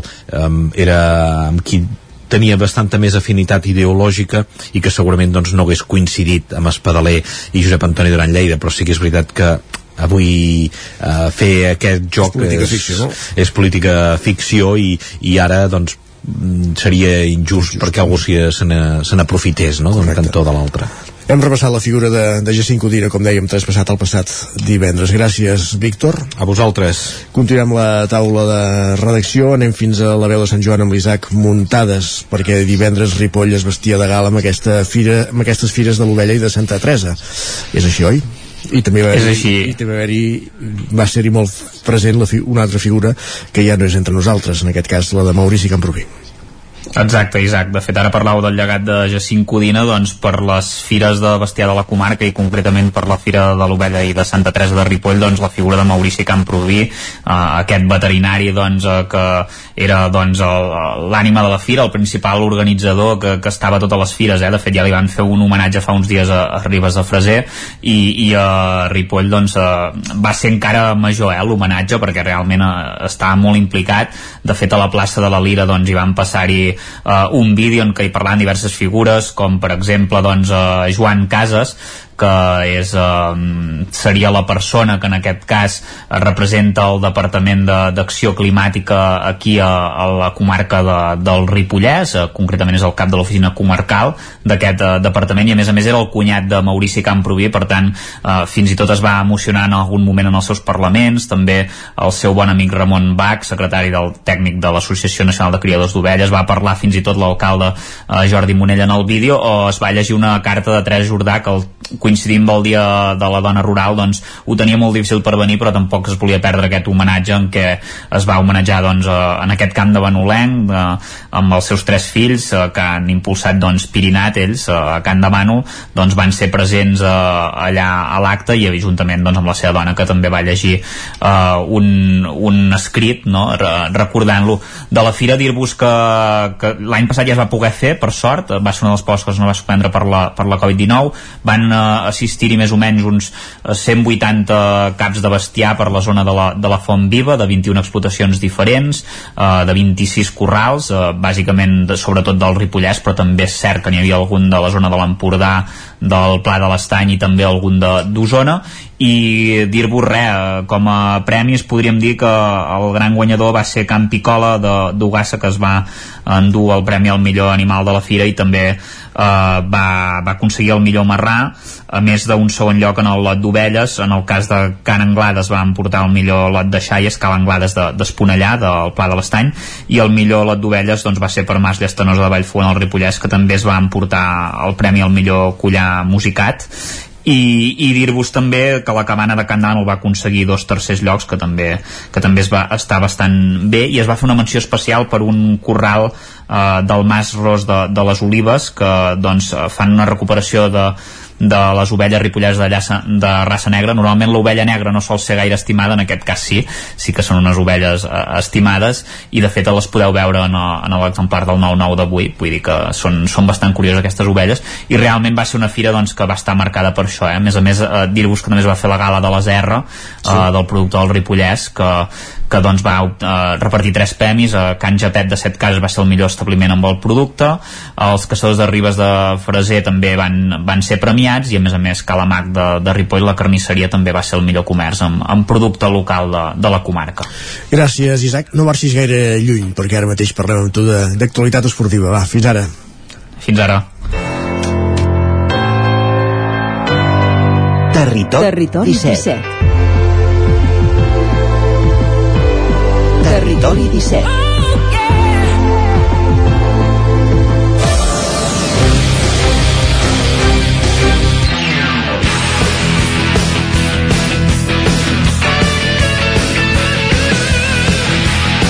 8 minuts perquè siguin les 11 i aquesta hora al territori 17 el que fem cada dilluns és repassar la jornada esportiva del cap de setmana pels equips del nostre entorn i comencem avui, com dèiem, a la veu de Sant Joan amb l'Isaac Montades. Bon dia, Isaac, de nou. Bon dia de nou.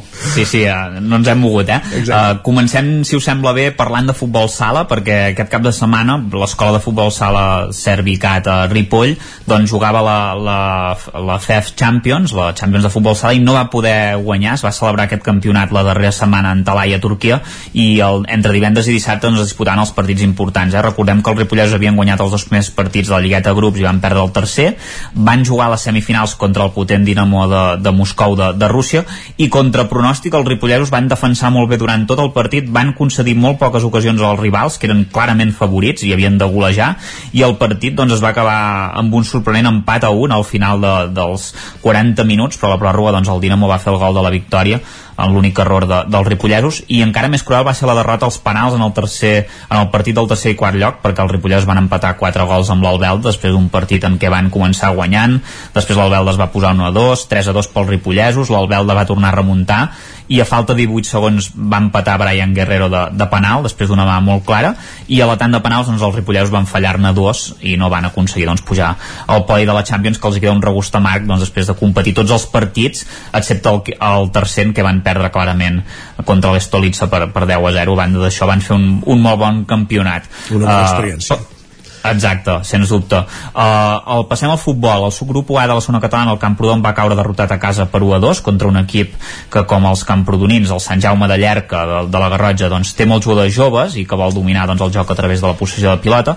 Van entrar freds al partit al Camprodon i en 15 minuts perdien per 0 a 2 amb dues errades defensives. Primer, en un penal molt clar que va aprofitar Pijuan, després Càmera ampliava la diferència en aprofitar un regal del porter en un refús, aquí va superar amb una vaselina, i abans del minut 20 doncs, el Camprodon va retallar diferències gràcies a un gol d'Aissa que va pentinar una falta llançada per Uri que va mereixer empatar el Camprodon perquè va tenir una pilota al pal uh, d'Uri una, una altra falta que li va treure el porter un travesser ara mateix són coers de la Lliga amb 3 punts en 5 partits malament al Camprodon uh -huh. uh, millor la Badesenc a la tercera catalana uh, en aquest cas va derrotar el Sant Privat d'en Bas per 1 a 0 en un partit en què van ser molt superiors als Sant Joanins però que no, no aconsegueixen traduir amb golejades els, uh, els, el bon joc i van tenir moltes ocasions amb, davant d'un Sant Privat d'en Bas que es va dedicar a pujar a l'autobús l'únic gol de, del maig el va fer a l'eix al minut 62 amb un xut de volea des de fora l'àrea que va entrar per l'escaire i fins i tot la Badesenc va fallar un penal al temps d'afegit eh? Per tant podria haver anat eh, guanyant més eh, per, per 2 a 0 en aquest cas. Són setens amb 7 punts i un partit menys a, la Badesenc i finalment el Candano sí que li van anar les coses més malament perquè va perdre el primer partit de la temporada amb l'escola de futbol de la Garrotja a més a més va ser en els últims minuts de, del partit en una mala primera part dels visitants amb un pal i un travesser que, que van salvar-los. A la segona part el Candano sí que va sortir millor. Va tenir una que la van treure sota pals els, els defenses de l'escola de futbol de la Garrotja que també va tenir alguna ocasió però va ser millor Camp de Bànol i en canvi quan jugava amb un home menys a l'escola de futbol del Ripoll, eh, de la Garrotja doncs en un contraatac després d'una errada defensiva del Camp de amb una centrada d'en Bala va fer l'únic gol del partit i doncs el Camp de Bànol ara és cinquè amb 9 punts i un partit eh, menys. Molt bé, l'hoquei Ripoll ha jugat? L'hoquei Ripoll no ha jugat aquesta setmana. D'acord, uh, doncs. torna, torna la setmana que ve. Perfecte, gràcies Isaac. Parlem després de la tertúlia, fins ara. Anem cap a Cardedeu amb l'Òscar Muñoz. Bon dia, Òscar Bon dia. Com ho hem tingut això aquí baix? Doncs els resultats de futbol aquest cap de setmana molt millor que els de l'handbol. Bé, Així eh, que, doncs, com a mínim alguna cosa va bé. Sí, sí, sí, sí. El que no va bé eh, el que no ha anat massa bé aquest cap de setmana podríem dir és el primer equip del, del, del futbol, que és l'únic partit perdut el primer equip del Gardeu de la segona catalana jugava diumenge a les 12 del migdia a casa i doncs va perdre per 3 gols a 4 contra Llavaneres el Llavaneres doncs eh, quedava mateix està situat per una posició davant del Cardedeu i, i això, va començar marcant bastant d'hora, al minut 7 i després ja el Cardedeu doncs, va anar a remolc durant tot el partit. Eh, destacar que el Llavaneres va acabar amb, una, amb un jugador menys al minut 89 que el Cardedeu doncs, no va poder aprofitar aquesta avantatge numèrica en el terreny de joc. Així que doncs, la primera derrota del, del primer equip del Cardedeu portava una victòria, un empat i, i divendres passat vam dir que esperàvem que no arribés la derrota però doncs sí, ha arribat i ha sigut contra el Llavaneres.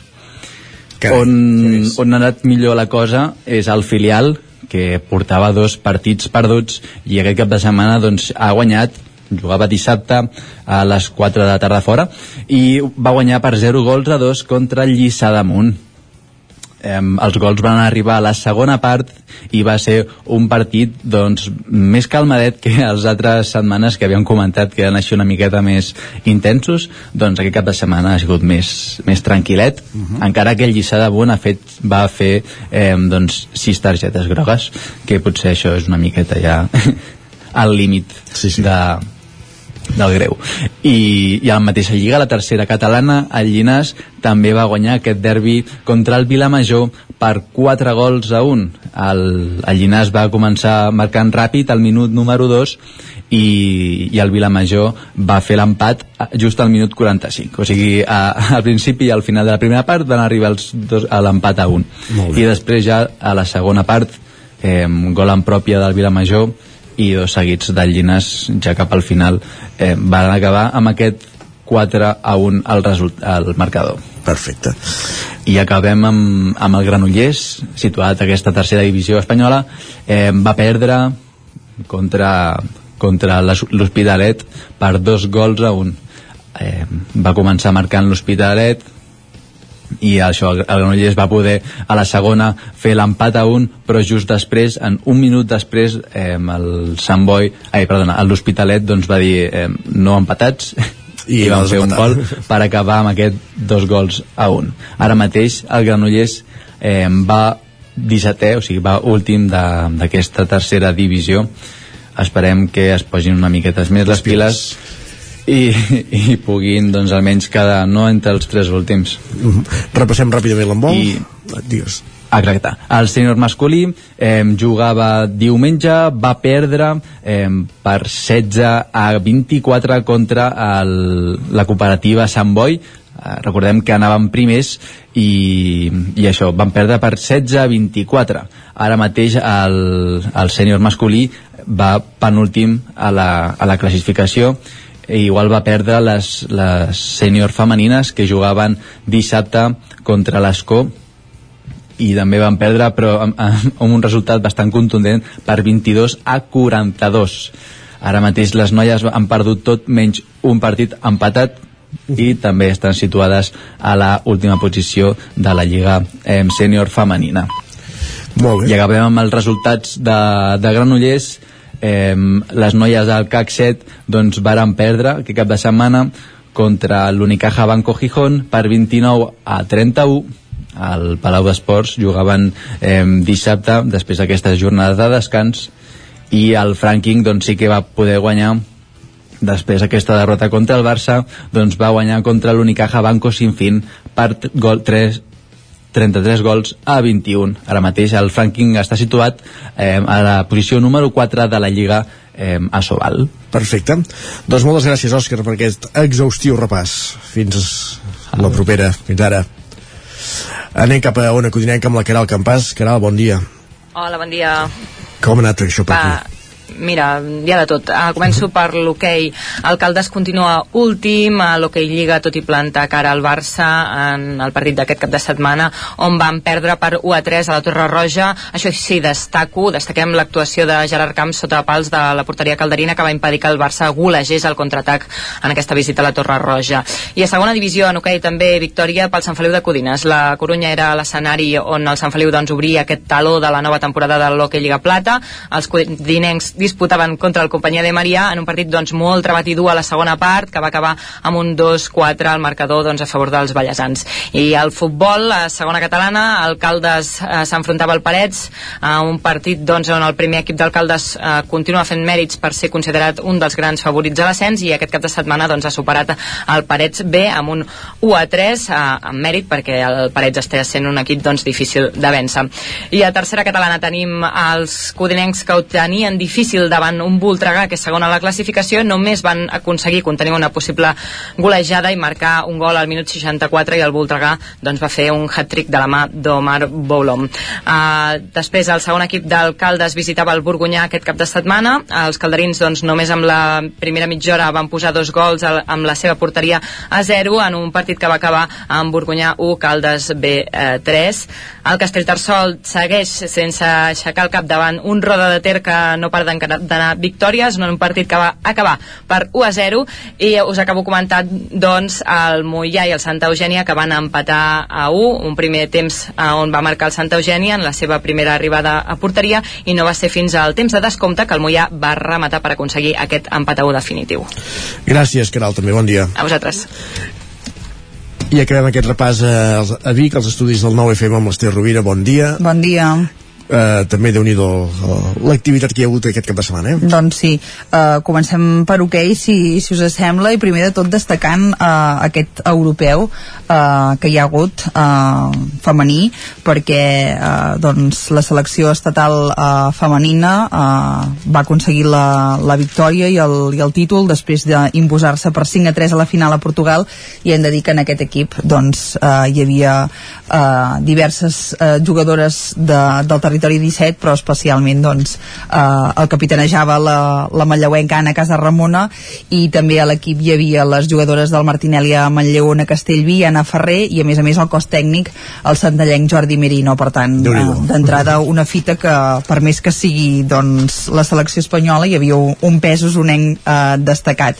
Eh, continuant amb hoquei okay, eh, mala jornada per als equips eh, usonencs de, de l'hoquei Lliga. El Manlleu va caure a casa contra el Calafell Calafell per 1 a 4 en un partit on li va faltar encert a diferència del seu rival que en va tenir molt més especialment a bola aturada perquè 3 dels 4 gols eh, doncs van ser de penal o de falta directa. I el Voltregà per la seva banda van sopegar la pista del Noia Freixenet per 3 a 2 i en aquest cas va ser amb un hat-trick del mallauenc Roc Pujades eh, doncs que, que milita les files del Noia i que està en un eh, bon moment de forma en estat de gràcia i per tant aquests tres gols seus que van sentenciar els voltreganesos i que podrien haver estat més perquè a banda va fallar tres faltes directes també, per tant eh, Déu-n'hi-do com està Roc Pujades i això el Voltregà que va fer un bon paper però, però es va quedar sense, sense puntuar. Aquest dimecres els dos conjunts usonencs s'enfrontaran en el primer derbi usonenc de la temporada i arriben no en el millor moment, veurem com els van les coses a les 9 del, del vespre. En canvi on sí que les Exacte. coses van anar millor va ser l'hoquei Lliga Plata. S'estrenava la, la competició i el grup sud els dos conjunts usonencs van aconseguir la, la victòria el Pativic una d'àmplia Sant Cugat per 3 a 6 eh, en un doncs, bon joc coral de, de l'equip i el Taradell amb gols de Dani Rodríguez també es va imposar per 1 a 2 a la pista de, de l'Olot que era un nou vingut a, a la categoria. Per tant una manera immillorable de començar la dels equips usonencs a l'hoquei Lliga Plata. Passem al futbol eh, per destacar aquest cap de setmana que la primera catalana al grup 2 la novetat és que el Manlleu s'ha posat líder a la classificació després de superar a casa el Sabadell Nord per 3 a 1 al tram final. Eh, també hi havia eh, derbi en aquesta primera catalana un enfrontament entre el Vic Riu Primer i el Vic que doncs, no van fer segurament el millor partit, no va guanyar ningú, es van acabar repartint els, els punts eh, i per tant eh, doncs això mm, dos equips que, que tenen aquesta rivalitat històrica eh, d'haver compartit eh, camp, instal·lacions i que ara s'enfronten en, en nervis i eh, en el cas del Tona eh, va patir la primera derrota de, de la temporada la seva visita al Rubí per 5 a 2 que, va, eh, doncs, que es va imposar aprofitant els errors de defensa dels tonencs. Això en el cas del, del futbol dir també que en bàsquet el Club Bàsquet Vic Universitat de Vic va patir la primera derrota de la temporada a la Lliga EVA van caure a la pista del Sol Gironès Bisbal Bàsquet per 76 a 55 era un rival eh, directe i ara baixen fins a la quarta posició de la classificació. I qui també s'estrenava a la competició eh, aquest cap de setmana. Era el Girbau Vic TT que va plantar cara al potent Ocamp Cartagena però va acabar perdent per 1 a 4 destacar com a nota positiva que la jugadora eh, tailandesa que és la novetat d'aquest any, d'aquest any Tamolwan Kek Kwan va ser qui va aconseguir l'únic punt biguetà Perfecte. Doncs moltes gràcies, Esther. Que Passen ara 6 minuts i mig del punt de les 11 i ràpidament ens actualitzem al territori 17. Solidaris. Amb... La solidari serà d'aquí uns minuts. Ara és moment de, de repassar les notícies més destacades del Territori 17. Territori 17, amb Isaac Moreno i Jordi Sunyer.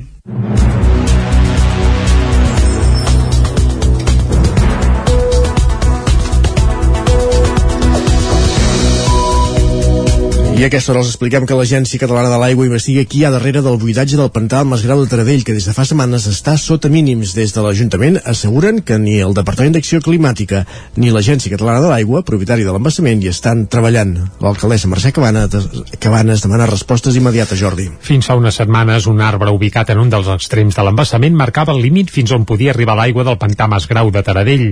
Aquest embassament, però, fa dies que es va buidar sense permís i ara està sota mínims. Des de l'Ajuntament asseguren que ni el Departament d'Acció Climàtica, Alimentació i Agenda Rural, que és el propietari de la presa, ni l'Agència Catalana de l'Aigua, que és propietària de l'embassament, hi estan treballant. Un escenari que els porta a pensar que el buidatge ha anat a càrrec d'un particular que hauria obert el sortidor al 100% perquè sortís al màxim de cabal. Mercè Cabanes és l'alcaldessa de Taradell. Ens sorprèn que, que algú prengui iniciatives unilaterals per tant doncs, el que vam fer va ser posar un coneixement de l'ACA i que investiguessin a veure qui havia pres aquesta decisió de, de fer un buitatge de forma unilateral sense consensuar. A veure, l'Ajuntament és un pantà que està dins del municipi de Taradell però que nosaltres no hi tenim responsabilitat. Eh? La responsabilitat ara està en, eh, en el cantó de l'Agència Catalana de l'Aigua eh, que, i del Departament d'Acció Climàtica que han de decidir veure què fan el pantà de Masgrau es va construir l'any 1980. Segons el conveni amb Icona, l'actual Departament d'Agricultura, la presa es va fer per evitar inundacions i alhora i alhora resoldre el problema de l'aigua al municipi. El, primer, el propietari de la finca de Masgrau, en aquell moment, havia cedit els terrenys on es va construir el pantà. Des de fa uns mesos, però, el mateix propietari demana ara la titularitat de l'embassament, que continua sent, però, de l'Agència Catalana de l'Aigua. El Centre Cívic La Fonteta s'omple de gent per commemorar el centenari del naixement d'Antoni Rivera, màxim exponent de la investigació alienígena a l'Estat, que era el campàs des d'Ona Codinenca. En motiu d'aquest centenari, un grup de codinencs amb el suport del consistori va organitzar aquest dissabte una diada per commemorar Antoni Rivera, escriptor, intel·lectual, humanista i reconegut investigador del fenomen OVNI. Dissabte al matí es va inaugurar una placa al passatge Antoni Rivera i un codi QR al domicili on va viure més temps amb la presència dels seus familiars, representants institucionals i alguns dels seus seguidors intel·lectuals. Un d'aquests últims és Javi Sierra, Premi Planeta 2017, que pronunciava aquestes paraules durant l'acte institucional. Podria haver seguido ese camino que era el fácil, que era repetir el camino de otros muchos intelectuales y beneficiarse del aplauso que ya está garantizado eh, con, en fin, con lo que ya está hecho, con la gran literatura. Y decidió recorrer el camino difícil, ir a la contra, meterse con los platillos volantes cuando era asunto de chiste. A la tarda van seguir els actes al Centre Cívic La Fonteta amb ponències i una taula rodona i va clausurar tot amb un programa de ràdio en streaming moderat pel cineasta Carlos Dueñas. Persones voluntàries passegen a Cardedeu gent gran o amb mobilitat reduïda amb tricicles elèctrics adaptats dins el projecte En bici sense edat. David Auladell, de Ràdio Televisió de Cardedeu.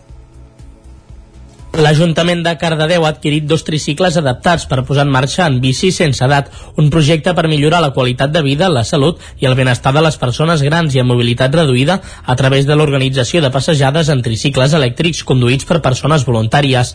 Es promou l'envelliment actiu, el bon tracte i l'acompanyament a les persones d'edat avançada o amb mobilitat reduïda i la creació de noves relacions intergeneracionals, així com combatre l'aïllament social i la soledat no desitjada amb la implicació i la col·laboració de l'entitat Cardedeu Vital, que ha proposat el projecte, les persones voluntàries faran formació prèvia a través de la coordinadora del projecte, que ja funciona a d'altres municipis catalans i que ofereix suport i acompanyament. Cardedeu reuneix les característiques idònies pel projecte per la gran quantitat de quilòmetres de carril bici i per ser un poble pla amb un entorn natural privilegiat. El projecte promou valors com la solidaritat, la generositat, el tracte respectuós amb les persones i l'entorn, el benestar i la salut de les persones beneficiàries de l'activitat, així com de les voluntàries i la sostenibilitat. Gràcies, David. El ripollès Joan Saez és nominat als Premis Butaca 2021 per Mistela Candela Sarsuela. Isaac Muntades des de la veu de Sant Joan. El ripollès de 34 anys, Joan Saez, ha estat nominat a la categoria de millor actor musical als Premis Butaca 2021 per la producció Mistela Candela Sarsuela. En aquesta categoria també han nominat el seu company Lluís Oliver pel mateix espectacle, Jaume Casals per Barcelona 24 hores i Toni Vinyals per La filla del mar. Saez no s'esperava gens que el poguessin nominar i va explicar-ne algun dels dels motius. Moltes de les obres i molts dels actors i actrius nominats són obres de petit format, eh, teatres més petitons, més recollits, que tenen un estil molt diferent a les grans superproduccions aquestes de milers i milers d'euros que es veuen als grans teatres, com per exemple l'any passat hi havia la Botiga dels Horrors, Chorus Line, per exemple. Aquest any què va passar? Com que hi ha hagut el Covid, sobretot les grans produccions on tenien molts diners a perdre, doncs aquest any passat no van poder tornar a arrencar motors. I ha sigut l'any de les produccions que tenen un altre tipus de valor. No és tant l'econòmic, que tenen potser un al·licient més de, de buscar o de recerca o d'experimentació o fins i tot això de creativitat, amb recursos més modestos, doncs aquest any ha sigut el nostre any. Saez va començar a actuar amb 16 anys al Set Teatre Centre de Sant Joan de les Abadeses i ho va fer debutant al musical de Cats. També va fer Jesucrist Superstar, La botiga dels horrors o T'estimo, ets perfecte, ja et canviaré. A Saez li agradava cantar des de petit, però va començar estudiant informàtica i va treballar fins als 26-27 anys d'aquesta professió mentre ho combinava amb el teatre.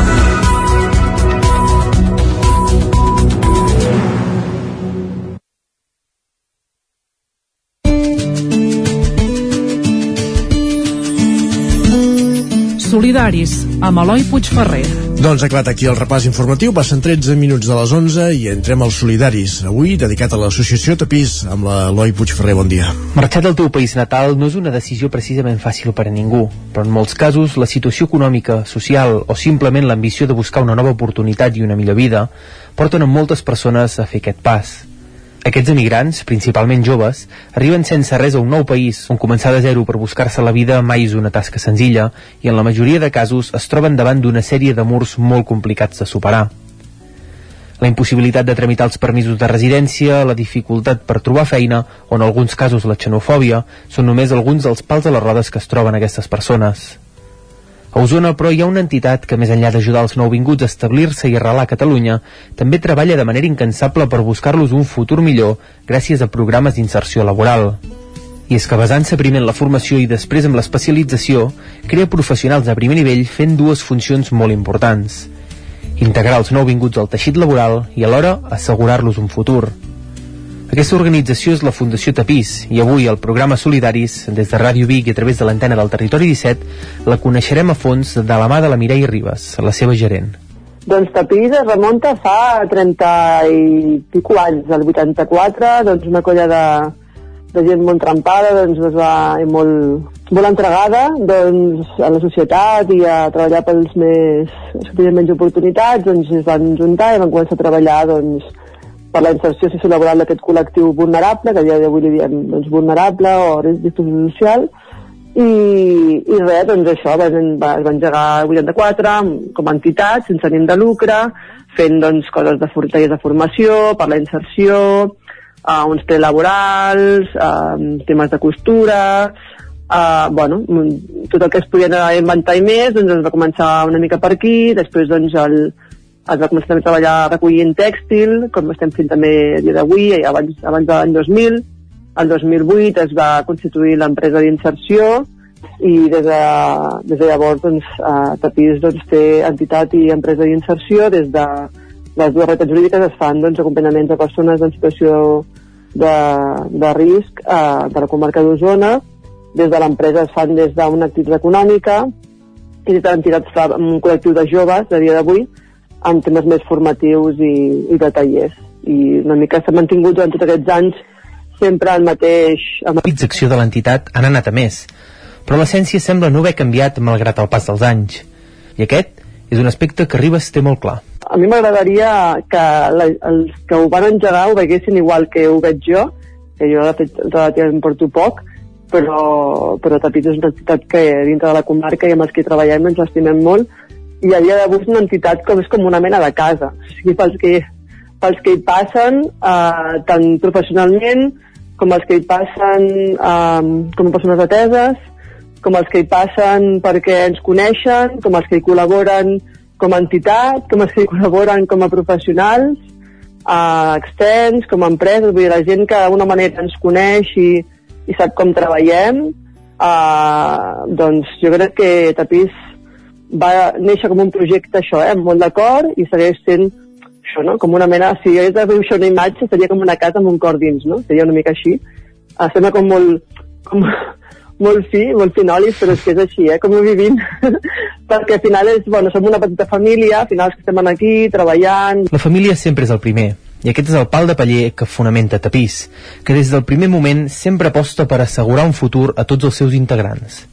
I la millor manera és donant-los una bona formació i una sortida laboral que explotar. El que és l'entitat, amb el que és el col·lectiu de joves, eh, la inserció l'entenem des d'un pla més formatiu, eh, tenim una part que és de taller de paper reciclat, en el que doncs, amb el taller eh, celebren uns llibres d'una petita editorial, de llibres de poesia, però al final això és com el producte final i el que ens interessa amb el taller sobretot és que els joves adquireixin doncs, això, habilitats laborals, competències bàsiques eh, concretes del que, del que estan fent no? el seu dia a dia en el taller. I, i per tant una mica això, eh? més a nivell més formatiu, també fem, fem 8 hores de setmana de formació, eh, des del mateix equip tècnic doncs, fem formacions bàsiques, també fem tot un tema d'estructura de formacions transversals, fan des de mòduls de la salut, mòduls d'habilitats socials, mòduls de tecnologia, que engegarem també una ara, a mòduls de reparació de joguines i electricitat, vull dir, fem diferents tipus de mòduls, això és de l'equip tècnic, i tenim també un equip de voluntàries que, que també són molt dedicades i formen part també de la família, que elles doncs, fan també a vegades acompanyament més a, a, a joves en, en concret que els hi fa falta doncs, un reforç en temes de lectura o, o altres temes més concrets, però més en, en petit comitè, diguéssim, no, no amb, amb grup aula, no? classe més gran, diguéssim. I llavors les insercions, per al col·lectiu, clar, són col·lectiu de joves en situació irregular, això vol dir que no tenen papers i per tant a nivell d'inserció eh, se'ns complica una mica tota la part més, més aviat de documentació. Tenim alguns joves que estan ja superpreparats i motivats per anar al món laboral, però el, la dificultat que tenen és el seu procés de regularització, perquè la llei d'estrangeria de l'estat espanyol doncs, marca doncs, com ha de ser aquesta regularització, però és precisament aquest procés de regularització el que sempre posa les coses difícils a tapís i a tots els joves que formen l'entitat, ja que malgrat les ganes que tenen i el grau d'experiència que assoleixen, és un procés que no controlen directament. Ribas ho explica. Perquè aquests joves tinguin una oportunitat laboral, que molts d'ells mm, la podrien tenir sense, o sigui, amb els tancats, perquè són molt, són molt habilidosos i tenen una gran actitud i aptitud, doncs han d'estar tres anys empadronats a, territori i després un, una empresa els ha de fer un, un contracte de jornada completa uh, d'un any per poder doncs, regularitzar. No? Doncs això a dia d'avui és, és bastant complexa perquè bueno, no? al final també sabem els només com està de l'atur, sabem també les dificultats també que a vegades hi ha de segons quin col·lectiu doncs, donar oportunitat a les empreses, a més a més també tenim el hàndicap que quan un cop eh, una empresa, diguéssim, que obre la porta a un jove per fer-li un contracte, aquest contracte no pot... Eh, l'empresa no pot donar d'alta al jove a la seguretat social, per tant no, no pot tenir treballant fins passats 6-8 mesos perquè la documentació va molt lenta, no? Si tot el procés de la, de la documentació per la seva regularització i que l'empresa pugui donar-lo d'alta i pugui tenir-lo treballant, que per tant l'empresa no, normalment l'empresa el que vol és producció, no? que la persona produeixi doncs fins que la persona no pot estar produint passen 6 mesos, per tant entenem que l'empresa, clar, no, moltes empreses no poden estar esperant no? que, que, que el jove s'incorpori cap de 6-8 mesos per el contracte i això també encara és una altra dificultat afegida. De totes maneres, tenim experiències d'èxit, tenim bones pràctiques, vull dir, tenim, hem fet eh, moltes insercions durant els últims dos o tres anys i això també ens, ens, ens reconforta de, de continuar treballant i fort però sí que és veritat que, ens, que també ens, ens, ens encoratja de donar, fer una crida no? a, a que hi ha coses que s'han d'anar una mica flexibilitzant, mobilitzant, canviant, perquè, clar, al final aquests joves venen aquí per buscar una oportunitat en a, a la seva vida i, i venen per quedar-se i, i, i molts se la curren moltíssim i, bon, no? I, i que els hi costa el triple o molt més que, que un altre que busqui feina, no? I, I això no vol dir que els que també busquen feina, o sigui, tothom ha de tenir una oportunitat, però és veritat que ho tenen molt complicat, no? Tenen, han de fer un procés molt, molt, molt, sumament molt llarg i, molt difícil, no? Estar tres anys empadronats sense cap tipus de feina, per tant, sense cap tipus de sou, l'ingrés, clar, és com vius, no? Tres anys en tots els seus dies, els seus mesos, és, és complicat. Les complicacions no espanten ni de tros a la gent que forma tapís, perquè saben que, malgrat tot, els estan assegurant un futur a tots els seus usuaris i és que a grans trets la formació que els ofereixen és ben completa gràcies a les tres empreses que gestiona l'entitat. Per poder fer processos d'inserció de persones uh, tenim tres seccions de treball. Són com tres activitats econòmiques. Uh, jo sempre, a vegades així com, col·loquialment es diu com tres escures per treballar processos d'inserció.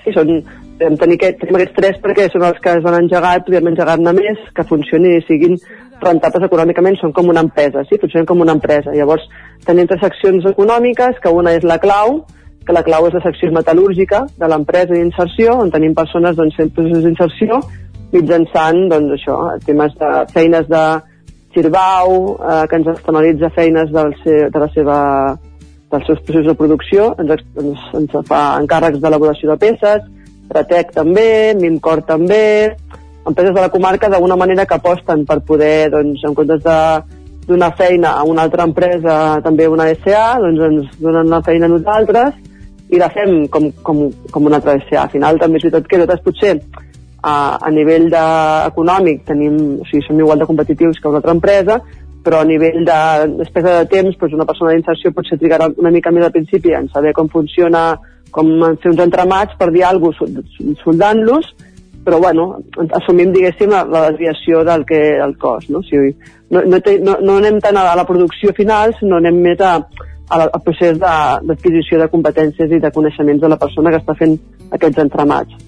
I després, des de la taca, que és la, la secció de neteja, i del fil, que és la secció del, del tèxtil, des de, com comentava la introducció, de, quan em preguntaves al principi d'on surt a pis, i, i bueno, comentava que, que el 2008 es- s'engegava l'empresa d'inserció, eh, amb la secció del fil, es va engegar, precisament, perquè ja anteriorment a l'empresa d'inserció ja es, ja es treballava amb el tèxtil, no? Aquí t'ha vist Um, aquest tema mediambiental també va ressonant bastant, a part del social, que és el nostre centre, el mediambiental, no? en paper reciclat fem llibres, i amb el tèxtil doncs, també és un dels temes que ja des del principi dels temps doncs, ja es va fer una gran aposta i es continua apostant fort.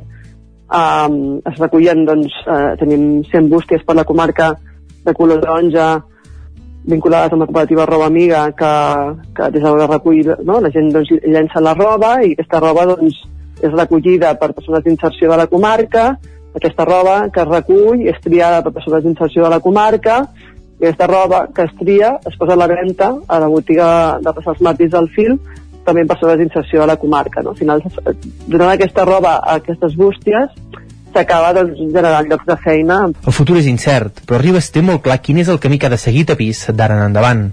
Seguir treballant com ho està fent i, sobretot, establir-se encara més i millor gràcies a una nova nau industrial que ja tenen a la seva possessió.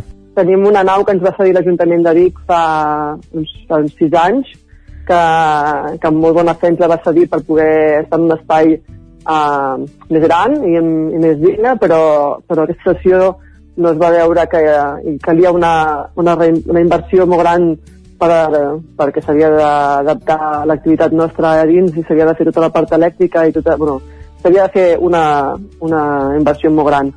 I, i des del 2015 s'ha anat fent amb col·laboracions de diferents agents privats i una part també de l'Ajuntament de Vic i una part també de fons propis, però ens cal encara una part de diners, tenim només una part de planta baixa Uh, just, just ara amb el Rotary hem pogut doncs, eh, recollir una part de diners per, per adaptar tota, tota la part de tria de roba i mecanitzar-la, modernitzar-la més per poder ser més eficients amb la gestió del tèxtil, però encara ens cal una mica de diners. Llavors, si jo pogués fer la carta de Reis, ara mateix demanaria diners per acabar aquesta rehabilitació, perquè ens cal sí o sí anar allà, perquè, perquè és un regal que, que m'agradaria fer a tot l'equip de persones de tapís, que, que també ens ho mereixem, que, que al final estiguem en unes instal·lacions, adoberies és molt bonic, és molt emblemàtic, però ja tindrem moltes més possibilitats, alguns despatxos mm, bueno, no?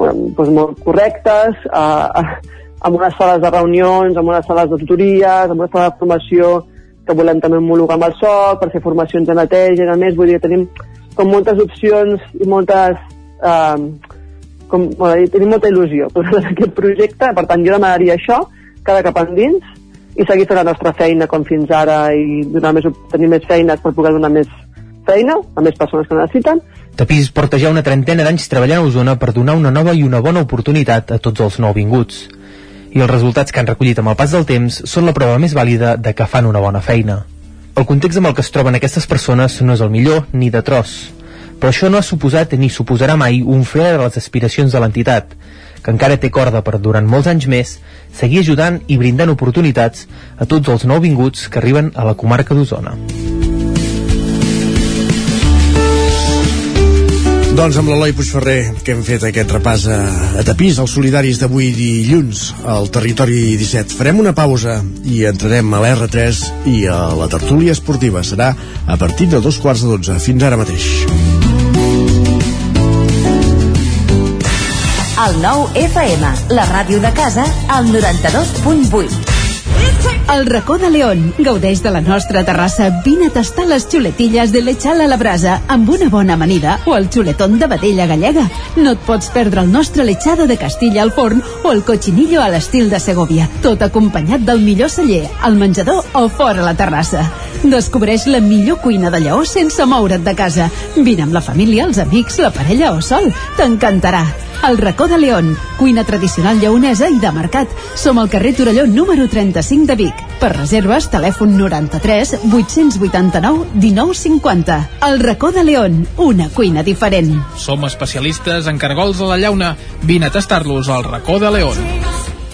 A Corretja tenim tot el que necessites per la teva llar. Tot tipus de paviments i revestiments, sistemes d'aïllament, cobertes, parquets, aixetes, ferreteria, pintures, fixació i cargoleria, vestuari i material de seguretat. Disposem de més de 3.500 metres quadrats d'exposició amb una nova zona exterior d'aïllaments.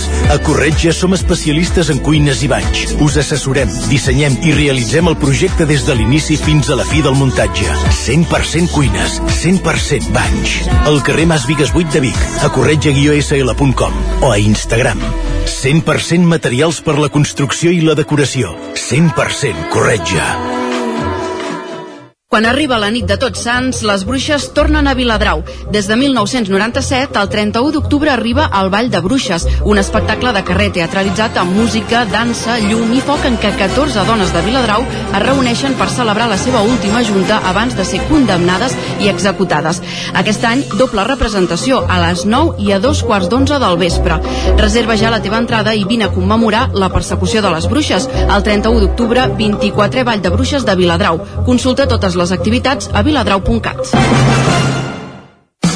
Mudances a la carta. Som especialistes en muntatge i desmuntatge de mobles. Oferim servei de guardamobles i fem mudances a tot el territori. Trasllats de pianos i peces delicades i també fem embalatge i protegim. Mudances a la carta. Serveis adaptats a cada client. Ens trobaràs al telèfon 605 04 34 75. Cocodril Club. Si t'agrada la bona música dels anys 60, 70 i 80, escolta el 9 FM els matins de dissabtes i diumenges d'11 a 1.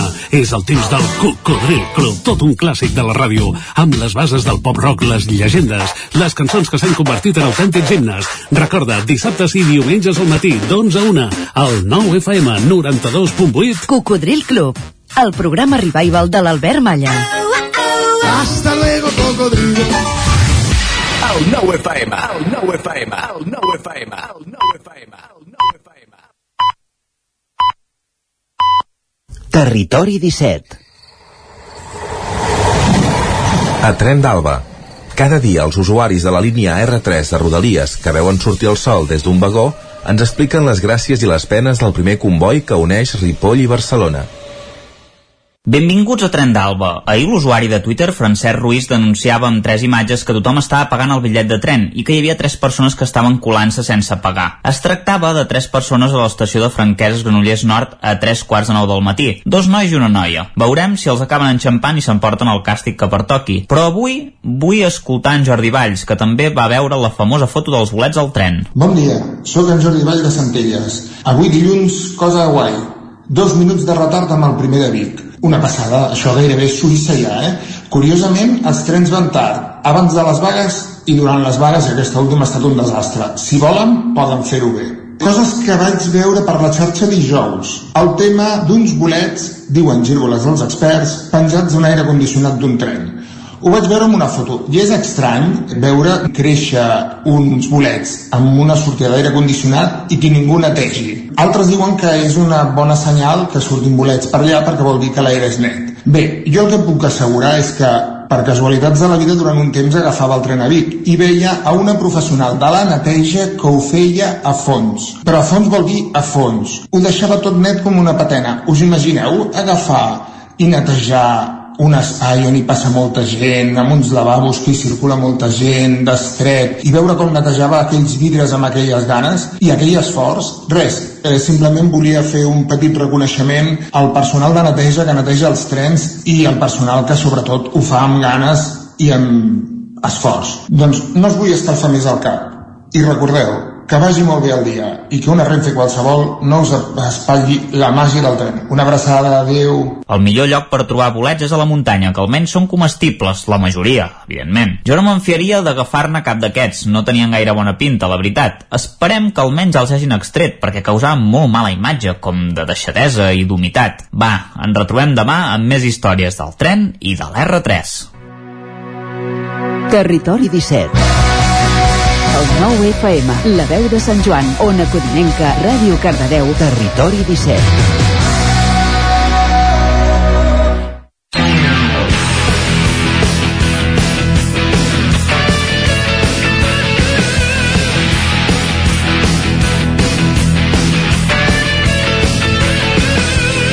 Passen gairebé 3 minuts de dos quarts de 12, ara ho hem dit bé, i deixem enrere el tren, deixem enrere els bolets, les gírgoles que surten a l'aire condicionat, i parlem de futbol. Uh, obrim aquesta tertúlia esportiva amb en Guillem Freixa, amb en Lluís de Planell. L'Isaac Montada s'incorporarà més tard via telefònica, que el tenim uh, circulant, però hi serà i comencem per felicitar en Guillem que avui és el seu aniversari Ep, moltes gràcies, merci per sí, molts sí. anys gràcies això no ho sabia això no? doncs oh, sí, sí sorpreses sí. que tenim a la ràdio Lluís sí, sí, en fem 18 eh? exacte 18 que vaig de fer. I ahir n'hi va haver tres que et van fer un regal, va començar l'Anso Fati, després va venir a Memphis i ho va remadar Coutinho, qui havia de dir-ho, eh? Sí, sí, la veritat és que va ser un, un bon regal, eh, per, per tots aquests motius que dius, eh, d'una banda per la victòria, que eh, era important, no?, venint d'on es venia, el València un equip doncs que també havia cridat l'atenció en aquest inici de, de Lliga es posa per davant no molt d'hora que mm, jo vaig arribar a res 10 minuts eh, tard a, a davant de la televisió i ja em vaig trobar el, el, el 0-1 sí, sí. i vaig pensar, ostri, eh, això anem, anem malament i bueno, la confiança amb, amb Ansu Fati jo crec que cada cop es va demostrant més que és un jugador que quan és al camp que quan toca la pilota passen coses. Uh, a mi m'agrada molt, m'encanta uh, crec que pot ser un grandíssim jugador per al Barça però em nego a comparar-lo amb Messi, que és en Messi, que ha de ser en Messi, perquè jo crec que seria un error tant per nosaltres com aficionats, com per ell com a futbolista. Sí, perdona, i en Messi a l'edat de l'Anso Fati d'ara sí. no era cap, cap era un, un, una figura eh, en perspectiva, però no era un crac. Però, bueno, però ja havia deixat, clar, Messi sí que és veritat que des d'aquell Gamper, no?, que, que ja fa una exhibició... Eh, però eh, ja, té, ja té 20 anys en Messi, llavors, no? Tenia 20 anys ja? Jo diria que sí. Sí, doncs imagina't, doncs encara li, li falten dos a Ansu, Ansu Fati. Mm, és això, ha sigut molt precoç ja ha tingut aquesta lesió pel mig. Per tant, ja és un primer vis que, que cal anar amb molta cautela amb aquests futbolistes tan, tan joves. I per contra, ja et dic, no, tampoc vull posar aigua al vi, i és evident que és un jugador que, que té l'actitud, que té la capacitat que té la qualitat per ser un, un gran jugador d'un gran club en el terme gran club de, del tenia, que és el Barça per Tenia 18 anys, eh? Aquell, és sí. nascut el 87, el 24 de juny, i aquell Gamper era el 2005 doncs 18. estaven allà allà eh? Sí, sí. però sí que és veritat que Messi sí que se n'havia parlat moltíssim en les categories eh, base, Ansu Fati sí. potser no havia destacat eh, tant en, en categories base i, i ara el primer equip doncs sembla que, que ha explotat veurem, eh, aquests brots verds eh, jo vaig parlant de, de brots verds quan el Barça va bé perquè això de moment ha sigut una victòria, un partit, bon partit, però no s'ha fet res I, I contra un València que tampoc és res de l'altre món. No, el València que jo me n'esperava alguna coseta més d'aquest València de, de Bordalàs. Eh, a les primeres jornades sí, no?, que va, va bueno, jo crec que va cridar molt, molt l'atenció el València, però ara ja el tenim situat aquí en, en terra de ningú a mitja, a mitja taula de la classificació també venen de temps força convulsos tant a nivell institucional com, com esportiu un club on sempre costa. Um, però bueno tenint en compte això eh, que el Barça també no estava en, en una bona situació que es venia d'aturada de seleccions que el, el que havia passat abans de l'aturada doncs no era gens, gens positiu que hi havia aquesta pressió. També el rum-rum de l'assemblea de, de compromissaris del, del Barça que en teoria els jugadors haurien d'estar blindats d'aquestes coses però sempre és allò que quan les coses no van bé en un lloc a vegades es, es contagien l'altra en l'altra banda. I el Barça que va fer bé la feina i aquest gol de Coutinho.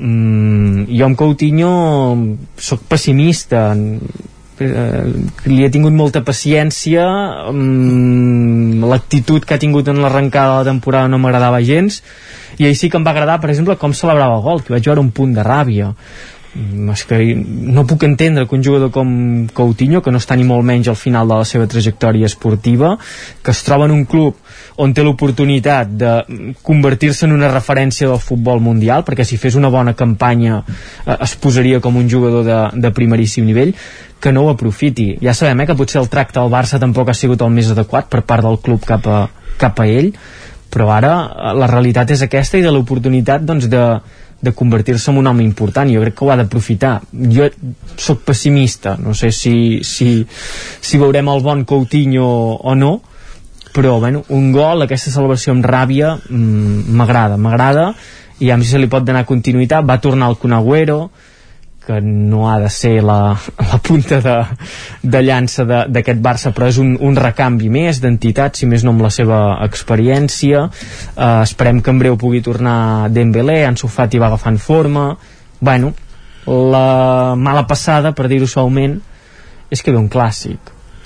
I, oh, i el Dinamo ah, ah, un clàssic, sí. ve un clàssic contra el Madrid i el, Dinamo, i el Dinamo també ara ho deia en Lluís eh? sí, que sí. clar, si s'ensopega amb el Dinamo de Kiev uh... m'has donat peu a, a presentar l'Isaac Montàs que ja el tenim al telèfon hola hola, què tal?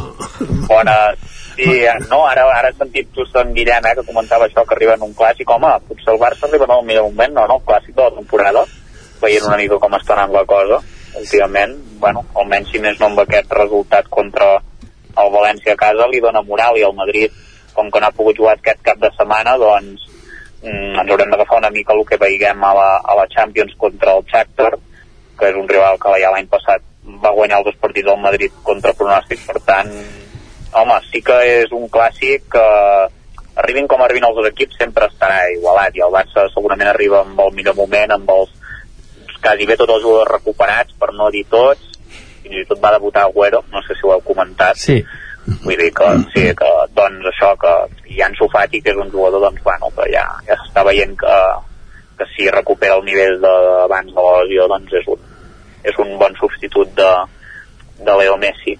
No al nivell de Messi però, però un bon substitut.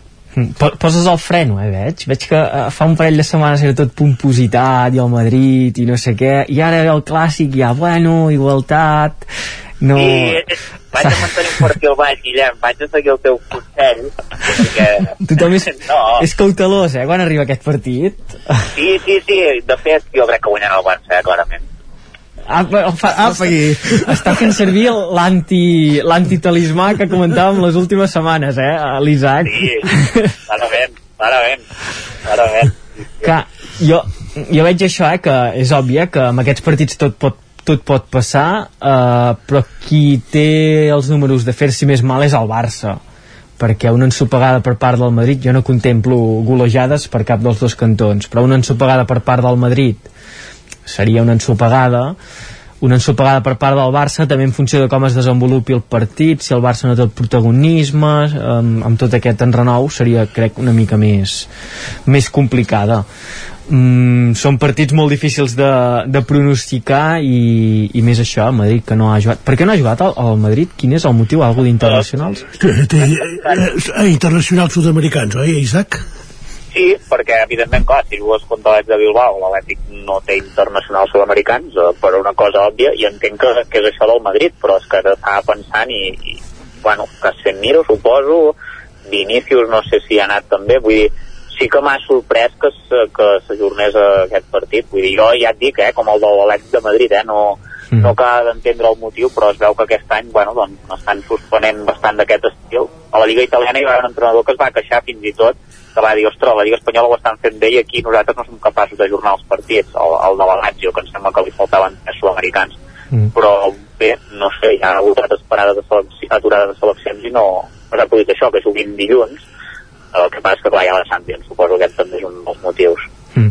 El que passa que uh, l'entrenador que comentaves aquest italià que, que ho estan fent bé ho estan fent bé o malament perquè uh, ara ja que les, uh, que les aturades per seleccions ja no només condicionin els jugadors que van amb la selecció sinó que condicionin tota una competició això, eh? una trencada de, de, de calendari a l'Atlètic Bilbao estarà tres setmanes sense, sense competir però si l'Anso Fati fos brasiler i no hi fos mm. en el partit d'ahir, per exemple eh, doncs diries que no pot ser mm, no ho sé, eh? jo mm, aquí eh, crec que seria força imparcial en el sentit que eh, això de les seleccions ha de ser una més a més i que és una de les variables de, de ser un dels grans clubs que tu has de ser conscient que hi haurà uns moments a la temporada que et marxaran perquè jo crec que està mal muntat també tot això de les, de les parades eh, FIFA i ara que fagin això, que vagin suspenent clar, què ha de dir l'Alet de Bilbao que portarà eh, pràcticament no? dos, dos setmanes i pico eh, sense, sense, sense competir. O el Barça que es trobarà un Madrid que sí que té el partit de Champions al mig però que haurà tingut també molt més de temps per estar centrat eh, en el en el partit contra, contra el Barça amb jugadors descansant o, o preparant-se específicament no sé no... Jo, jo penso que les seleccions haurien de jugar una vegada acabats els campionats la, les competicions locals diguem i, i llavors les seleccions que facin el que vulguin entre altres coses perquè cada vegada entenc menys el concepte de selecció nacional perquè mm, per exemple doncs eh, en el, això, el Barça i el Madrid li marxa mitja plantilla amb equips que no són de l'Espanyol per exemple eh? vull dir, llavors mm, quin, quin, quin sentit té uh mhm. -huh. que un, un jugador eh, de, de, de, és igual, eh, de sud-americà jugui a, a la Lliga a, a Europa i hagi de fer 5.000 o 6.000 quilòmetres per anar a jugar un partit de futbol a casa seva i, no sé, és, és un, eh, un tema que no, no l'entenc gaire. Tampoc repeteixo, tampoc entenc el concepte de selecció nacional en aquests moments. Vull dir, les coses penso que el món ha canviat i no, i no caldria i si volen fer alguna cosa que ho facin una vegada. S'ha acabat el campionat, els, els campionats de cada, de cada país. Sí, no? I, i, i el tema de les fases de classificacions però que també cada cop van perdent més el sentit perquè les fases finals de les Eurocopes i dels Mundials arribarà un moment que hi participarà tothom perquè abans eh, estaves en un campionat que potser hi havia eh, 32 equips i ara te n'estàs anant a, a un pilot més, a 48 i, i a molts més. Sí per, per fer la bola no? cada cop més, més I, aviat, hi passa, aviat hi haurà Andorra i Sant Marino a l'Eurocopa, eh, fins i tot vull dir, no, poca broma eh? I, i realment bueno, aquestes classificacions que són eternes doncs són un perjudici enorme contra, ja et dic que han de jugar moltes vegades això que dèieu, eh, contra seleccions que, que mai es classificaran per una Eurocopa i un Mundial perquè no tenen el, el nivell futbolístic i realment és una pena que, ens haguem de empassar depèn quins partits no? perquè bueno, no, no, no ajuden a l'espectacle i menys en aquestes aturades de, de seleccions. Sí, a Andorra que ho coneixem molt bé com està el futbol allà és clar, la, la selecció andorrana és això que dieu és, és que és, és impossible i és que a Andorra per exemple ja costa que vagi gent a veure l'equip de l'Andorra uh mhm. -huh. doncs a la, a la selecció no hi va ningú sí. Vull dir, és que no, no, no, no ho sé, són, són situacions diferents, vull dir, no, no té, a Gibraltar, imagineu-vos que, que hi ha també com a Andorra 30 o, sí, sí. o, o 35.000 persones amb, amb sí. tot el que és, podríem dir el país perquè si té selecció nacional vol dir que és un país, no? Sí. Té, té més monos que persones, Gibraltar, eh? Exacte. per fer la broma, eh? Per fer el no? És fàcil, sí. Els monos de Gibraltar, però, però ara, Lluís, fixa't ja també, ara volen fer el Mundial cada dos anys.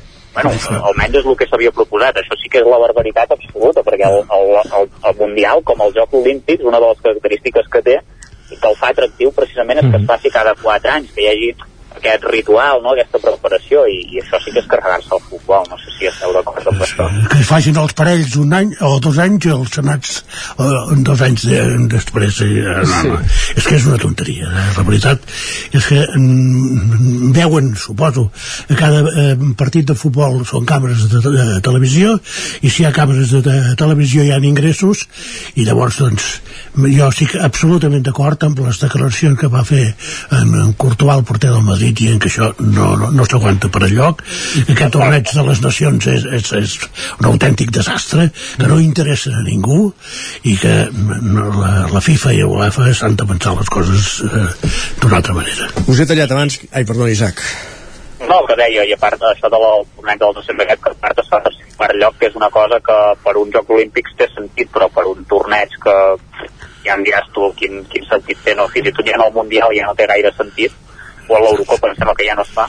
és per justificar els, els, els jugadors que tens concentrat quasi bé uh, us he tallat que estàveu parlant de la jornada de Champions de- d'aquesta d'aquesta- de, de dimecres eh? Sí. Aquesta setmana, perdó, no sortia ara. Sí, i aquí és on el Barça, per exemple, jo crec que també se la juga, se la juga bastant, perquè amb els eh, últims resultats de, de Champions, eh, bueno, cues del, del grup, eh, encara no s'ha aconseguit um, puntuar i una tercera ensopegada sí que et posaria molt, molt complicat el, el repte de passar uh, la fase de grups i potser després l'objectiu ja seria no, pensar en una Europa League o fer un perfecte perquè hauries de, en la segona volta d'aquesta Champions hauries de guanyar tots els partits i això vol dir doncs guanyar el Bayern de, de Múnich que jo ara mateix el Barça per molts brots verds que li vegi mm, no crec que estigui per competir amb el, amb el Bayern de Són Múnich d'un verd pàl·lid encara aquests brots. Sí, exacte, són brots molt, molt, molt petits. Uh, això, crec que és bàsic per continuar amb la flama aquesta de la Champions una mica, una mica viva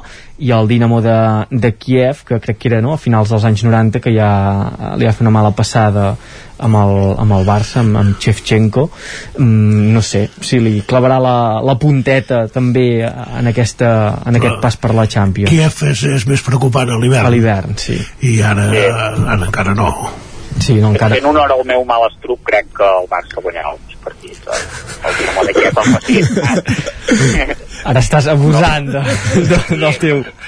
però, però certament si, Se't al si, no guanya, si no guanya un dels dos partits eh, pràcticament és que jo el donaria per eliminat perquè a Munic segur que no hi guanyarà el Barça No, no. per tant això ja serien quatre derrotes posant per cas que el Dinamo fos capaç de guanyar-li un dels dos partits al Barça uh, a fora de casa no ho veig descabellat uh, vull dir que seria una eliminació que fins i tot posaria en la l'Europa League eh?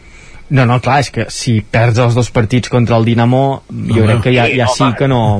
Llavors, no estàs acabat. Dient perdent a un, eh, Guillem, per això dient que perdent a un, eh? Ah, perdent a un. El, el guanyaria, eh? Sí, sí, fins i tot perdent a un, eh? Val.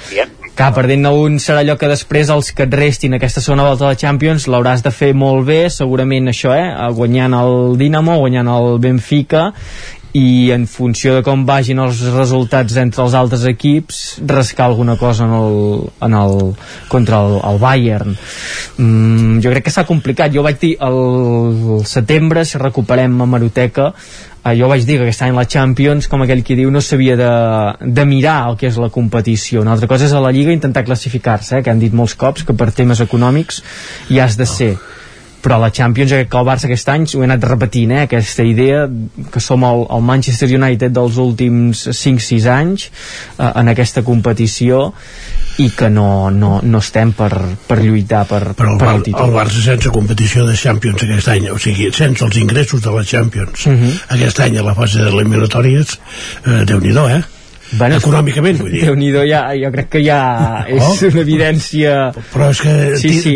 apagues el, el foc amb, amb gasolina eh? però jo crec que les persones que ara estan fent aquests números i estan fent aquest pla de rescat que, que s'han anat parlant aquests últims dies jo desitjo i espero i no sé si ens escolten però eh, suposo que hauran tingut en compte que el futbol a vegades les coses surten bé i a vegades no a nivell esportiu i que és un escenari molt factible que quedis fora de la Champions i que hauran de fer un, un pronòstic d'ingressos sense ser a la, a la Champions, que s'ha de tenir en compte aquest escenari, que el que no pot ser és tornar a fer com alguna directiva recent del Barça que tirava pilota endavant i feien el que tenien pensat sense eh, pensar en les conseqüències que venien a nivell econòmic. Mm, jo espero que ara estiguem tocant de peus de terra i que tinguem clar aquest escenari, que ens podem quedar sense Champions i que això voldrà dir menys ingressos i que s'haurà de gestionar uh -huh. diferent.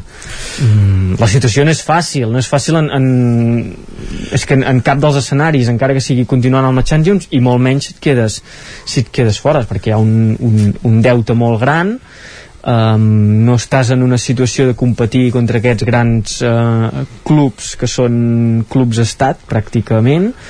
Per tant s'haurà de buscar una altra via. I és, jo crec que la via és aquesta de mirar jugadors de casa i que la, al moment que l'economia comenci a ser una mica positiva doncs anar-hi eh, endollant o posant peces que et donguin un plus que no trobes a, o, o planter del Barça. I fer una, una assemblea que deien que era la més important de, de Sí. no sé quants anys i quan comença el futbol pleguem. Ja, això, això només ho fa el camp el primer és el primer. Ja. no, però és clar, el Futbol Club Barcelona es dedica al futbol i en el Exacte. moment que s'arriba no, però ho fes un altre dia. Bueno, fes un altre dia, però o comença a les 12 del se'ls migdia. bueno, se'ls, jo crec que aquí va ser un error de planificació, que es pensaven que els primers punts anirien molt més ràpid i es van trobar que hi havia moltes peticions de, de compromissaris que volien fer la seva intervenció, que volien fer els seus apunts i que se'ls hi van allargant la cosa. Això també és un bon senyal en el sentit que tots els compromissaris que van anar a, a l'assemblea van poder dir-hi la seva i se'ls va escoltar. Fins i tot Joan Gaspar, que va demanar que la gent, eh, eh, bueno, que s'acabés el torn de paraules eh, i que la gent no parlés més perquè poguessin alleugerir, però, ostres, els punts més importants, no?, que eren l'espai Barça i sembla que l'estat de comptes, també. Sí, però i si ho haguessin... És que, clar, l'altre escenari era eh, votar aquests dos eh, punts importants, eh, el de l'espai Barça i el del canvi aquest dels estatuts per no haver d'assumir eh, o haver de plegar si hi han dos exercicis amb, amb, amb pèrdues. Clar, si ho haguessin portat a votació hi havia molts compromissaris que van marxar cap al, a Sí, sí. Per, perquè què? començar l'assemblea abans, no, eh? Entenc?